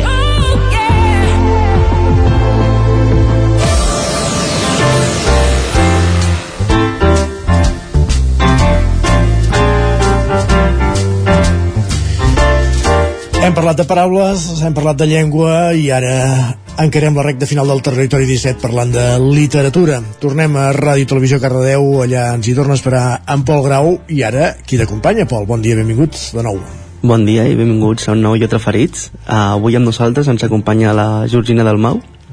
Ella és llicenciada en Sociologia, Investigació de Mercats i postgraduada en Investigació Social i actualment treballa a la seva empre pròpia empresa dedicada al màrqueting digital. Entre d'altres, també dona classes a uni diferents universitats on imparteix assignatures sempre vinculades al món de la comunicació i avui ens ha parlat de la seva primera novel·la juvenil Gossos salvatges. Bon dia, Georgina, com Hola, estàs? Bon dia, molt bé. Eh, és la teva primera novel·la que escrius. Eh, com vas decidir començar a escriure? Com va sorgir a escriure la novel·la? Doncs, a veure, jo fa... És, és el típic que escrius com de tota la vida, no? Que escriure és una manera d'expressar-te, de mira, i, i, i, bueno, i va arribar un dia que vaig decidir que jo volia escriure una, una novel·la i vaig començar, tenia una idea, no? Vaig començar a donar-li voltes i, i, bueno, i quan tenia 80 pàgines m'ho vaig llegir bé i vaig pensar és, és una porqueria com a lectora no, no m'ho llegiria ni jo. I això és un problema perquè si és el teu propi llavors bueno, vaig parlar amb una amiga per on veia problemes perquè jo no sabia veure què era el que fallava i arrel d'aquí doncs em va recomanar apuntar-me amb un, amb un curs d'escriptura de la Lolita Bosch i bueno, llavors a partir d'allà vaig començar a donar-li voltes en aquella idea original i a partir d'anar-li donant voltes en aquesta idea original doncs va acabar sortint aquest, aquesta novel·la que ara tenim aquí que és Gossos salvatges Uh -huh. Gossos salvatges que parla d'un món destruït per la crisi global, les bandes criminals i l'escassedat d'aliments. Eh, podria explicar un, una, futur, una futura pròxima novel·la un futur pròxim, la novel·la, un present més aviat no més que un futur, diguéssim Sí, esperem que no, eh? Esperem que no i, i, i present menys perquè el, el, el context del, de la novel·la, de la història és bastant és negre, no és complicat el, jo, el, la idea inicial no, que us deia va néixer el 2012 que estàvem en aquella crisi econòmica no? i el supòsit que jo vaig fer va ser, ostres, us imagineu o t'imagines que això no remunta i que va a més a més i que els estats fan fallida però de, de veritat, és a dir, que es queden sense diners no? doncs què passaria? què passaria si col·lapsés el sistema sanitari nivell els metges no cobren no? o el, els policies també deixen de, de cobrar no? com, com quedaria aquest món? què passaria? doncs bueno, llavors a partir d'aquí vaig fer com tot aquest exercici de, de prospectiva no? I, i va quedar doncs, aquest escenari llavors clar, jo a, a, en el fons també intentes plantejar aquest escenari com una possibilitat per què? Doncs perquè justament no passi no? és a dir, ojo, què, què fem, no? com esgotem els recursos, cap on anem que...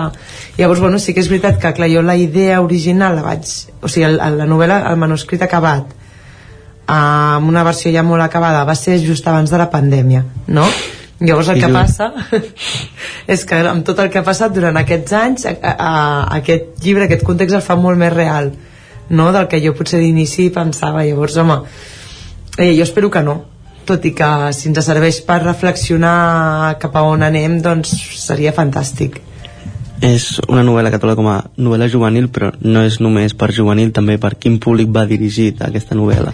El, el, bueno, el, el, la novel·la és juvenil sobretot perquè els protagonistes són joves però la novel·la té moltes capes i llavors té aquesta capa que gent de la meva generació pot empatitzar perfectament no? perquè és, és dos germans que es retroben en aquest món vale? i aquests dos germans tenen un objecte que bueno, ells es donaven per, per morts eh? però hi ha una cosa que és el diari de la seva mare que els connecta una mica amb el, amb el passat no? i durant la història es van intercalant aquests, aquests fragments llavors clar, aquests tres fils fa que gent de totes les edats es pugui sentir bé llegint, còmode llegint aquest, aquest llibre, vull dir que és juvenil sobretot perquè els protagonistes són joves però el llibre té moltes capes i, i a mi el feedback que m'ha arribat de gent de totes les edats és, és bo és bo i que l'entenen i que els hi agrada per tant jo no jo no tancaria aquesta porta a ningú la veritat. Abans ens deies que la idea es comença a gestar en, en plena crisi financera a principis de la dècada dels 2010 per entendre'ns. Ha estat un, sí. un procés cuinat a, a foc lent, diguéssim. Com, com ha estat aquest procés d'investigació, de, d'escriptura? Com, com, com has treballat durant tots aquests anys? Perquè estem parlant pràcticament d'una dècada. Sí, eh? Sí, a veure, clar, aquí s'ajunten coses personals, no? Com, com, primer que no visc d'això, per tant no puc dedicar tot el temps, uh -huh. no? Després, doncs, això que tinc l'empresa i, i faig classes, moltes coses, però és que a més a més hi ha una cosa que està bé que es digui, que és que he tingut fills, no? I llavors, doncs això encara fa que tots els projectes personals encara avancin més, més, més a poc a poc. Llavors, aquest procés que potser, no, sense totes aquestes coses, hagués durat un any o dos, va durar tant de temps per què? Doncs perquè primer vaig fer aquesta primera versió, no m'agrada, després em vaig apuntar en un curs on realment ens van fer estripar tot el que teníem i ens van fer identificar bé de, i tu de què vols parlar no? i quina és la motivació i quina és la història i què passa no? perquè tu pots voler parlar d'una cosa però potser necessites crear una història perquè allò realment enganxi no? I llavors fins que no acabes trobant, clar, el, el primer llibre no, no saps ben bé el que, com es fan les coses, no? Llavors arriba un moment que sí que és veritat que ja ho tens tot, que tens clar la història, els personatges, el que vols parlar, el que vols parlar de fons, cap a on vols que vagi la història, com vols que acabi, no? Com vols enredar el, el lector. Jo vull que el lector es despisti, vagi per aquí, però després a l'últim moment es trobi que això ha passat. I llavors sí que arriba un moment, quan tot això ja ho tens lligat, que llavors ja sí que és escriure i, i acabar-ho no? llavors, bueno, el, el, un cop ho tens, a més, llavors ve tota la fase de rellegir i rellegir i rellegir i jo personalment vaig retallar molt perquè so, potser sóc molt pràctica però hi ha coses que pensava, ostres, això no porta res això no, no, també ens ho van recomanar al, al curs llavors bueno, ha acabat quedant una novel·la de, de 130 pàgines per tant és molt, molt àgil i molt, i molt ràpid i a vegades penso, ostres, 10 anys per escriure 130 pàgines, no? L'original tenia més pàgines, no sé quantes. Sí, en alguns moments que sí que en tenia 150, 160, no? Però bueno, el, tampoc, tampoc és un, un llibre gruixut, eh? Però bueno, crec que això el fa atractiu, també. Doncs per, perquè la no sé gent que és, ràpid... Sí, la gent que és molt lectora se'l llegeix en un dia o dos i la gent que no ho és habitualment se'l llegeix i potser triga una setmana. Hm. El, el llibre ja està publicat, l'has autoeditat o com, com ha anat?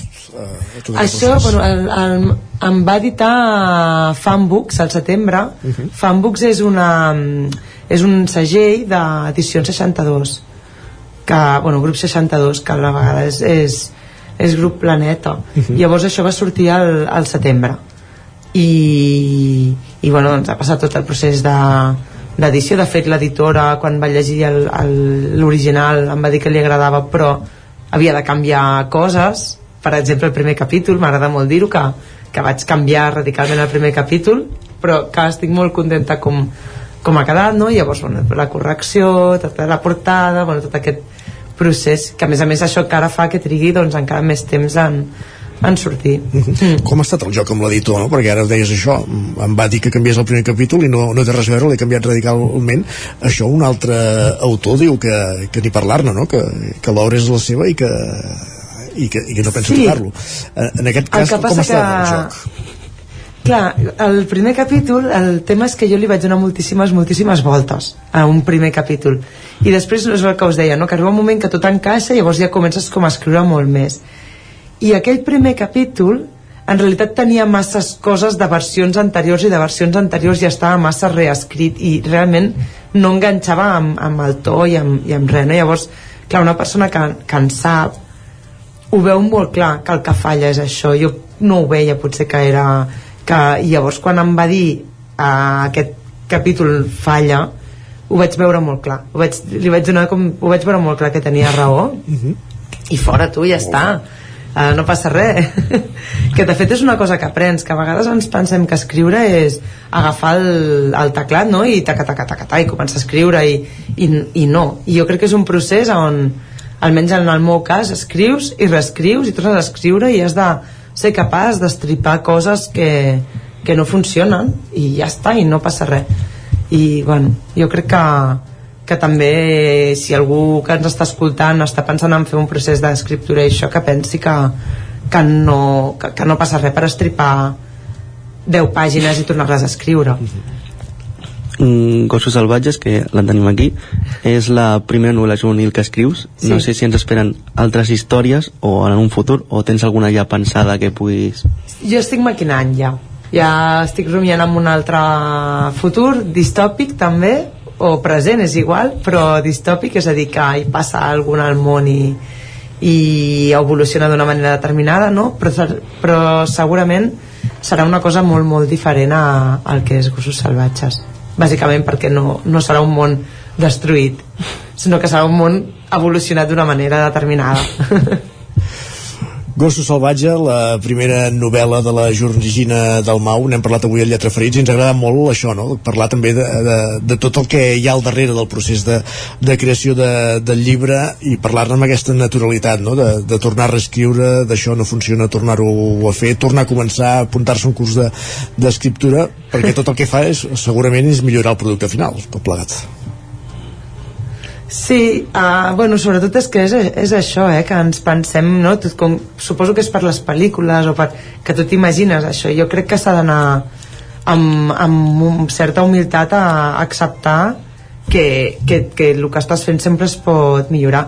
Després va arribar un moment, també us ho dic, que, que algú s'ho va llegir abans d'arribar a l'editora final, em va fer aportacions i vaig dir jo ja no li puc donar masses voltes més perquè ja n'hi he donat moltes i l'altre dia vaig llegir un tuit que deia no? saps que la teva novel·la està acabada quan ja no pots donar-li més voltes quan estàs fart ja de llegir les mateixes frases vull dir que també arriba un moment que, que dius ja està En- sí, sí Georgina, moltíssimes gràcies doncs, i que vagi molt bé tot aquest projecte amb la, no, amb la novel·la. moltes gràcies bueno, perdó, de saturació i de satisfacció també Evidentment, eh? sí, sí. gràcies també, Pol. Fins demà. Fins demà. Adéu. I aquí acabem també el territori 17 d'avui. Us hem acompanyat des de les 9 del matí Gemma Permanyer, Pep Acosta, Isaac Muntades, Roger Rams, Guillem Sánchez, Cristina Enfruns, Pol Grau, Sergi Vives i Isaac Moreno. I tornarem demà a la mateixa hora, a partir de les 9. Demà serem dijous gras. Fins aleshores. Bon dimecres. Adéu-siau. Gràcies per ser-hi. Territori 17, un magazín del nou FM. La veu de Sant Joan, Ona Codinenca i Ràdio Cardedeu amb el suport de la xarxa.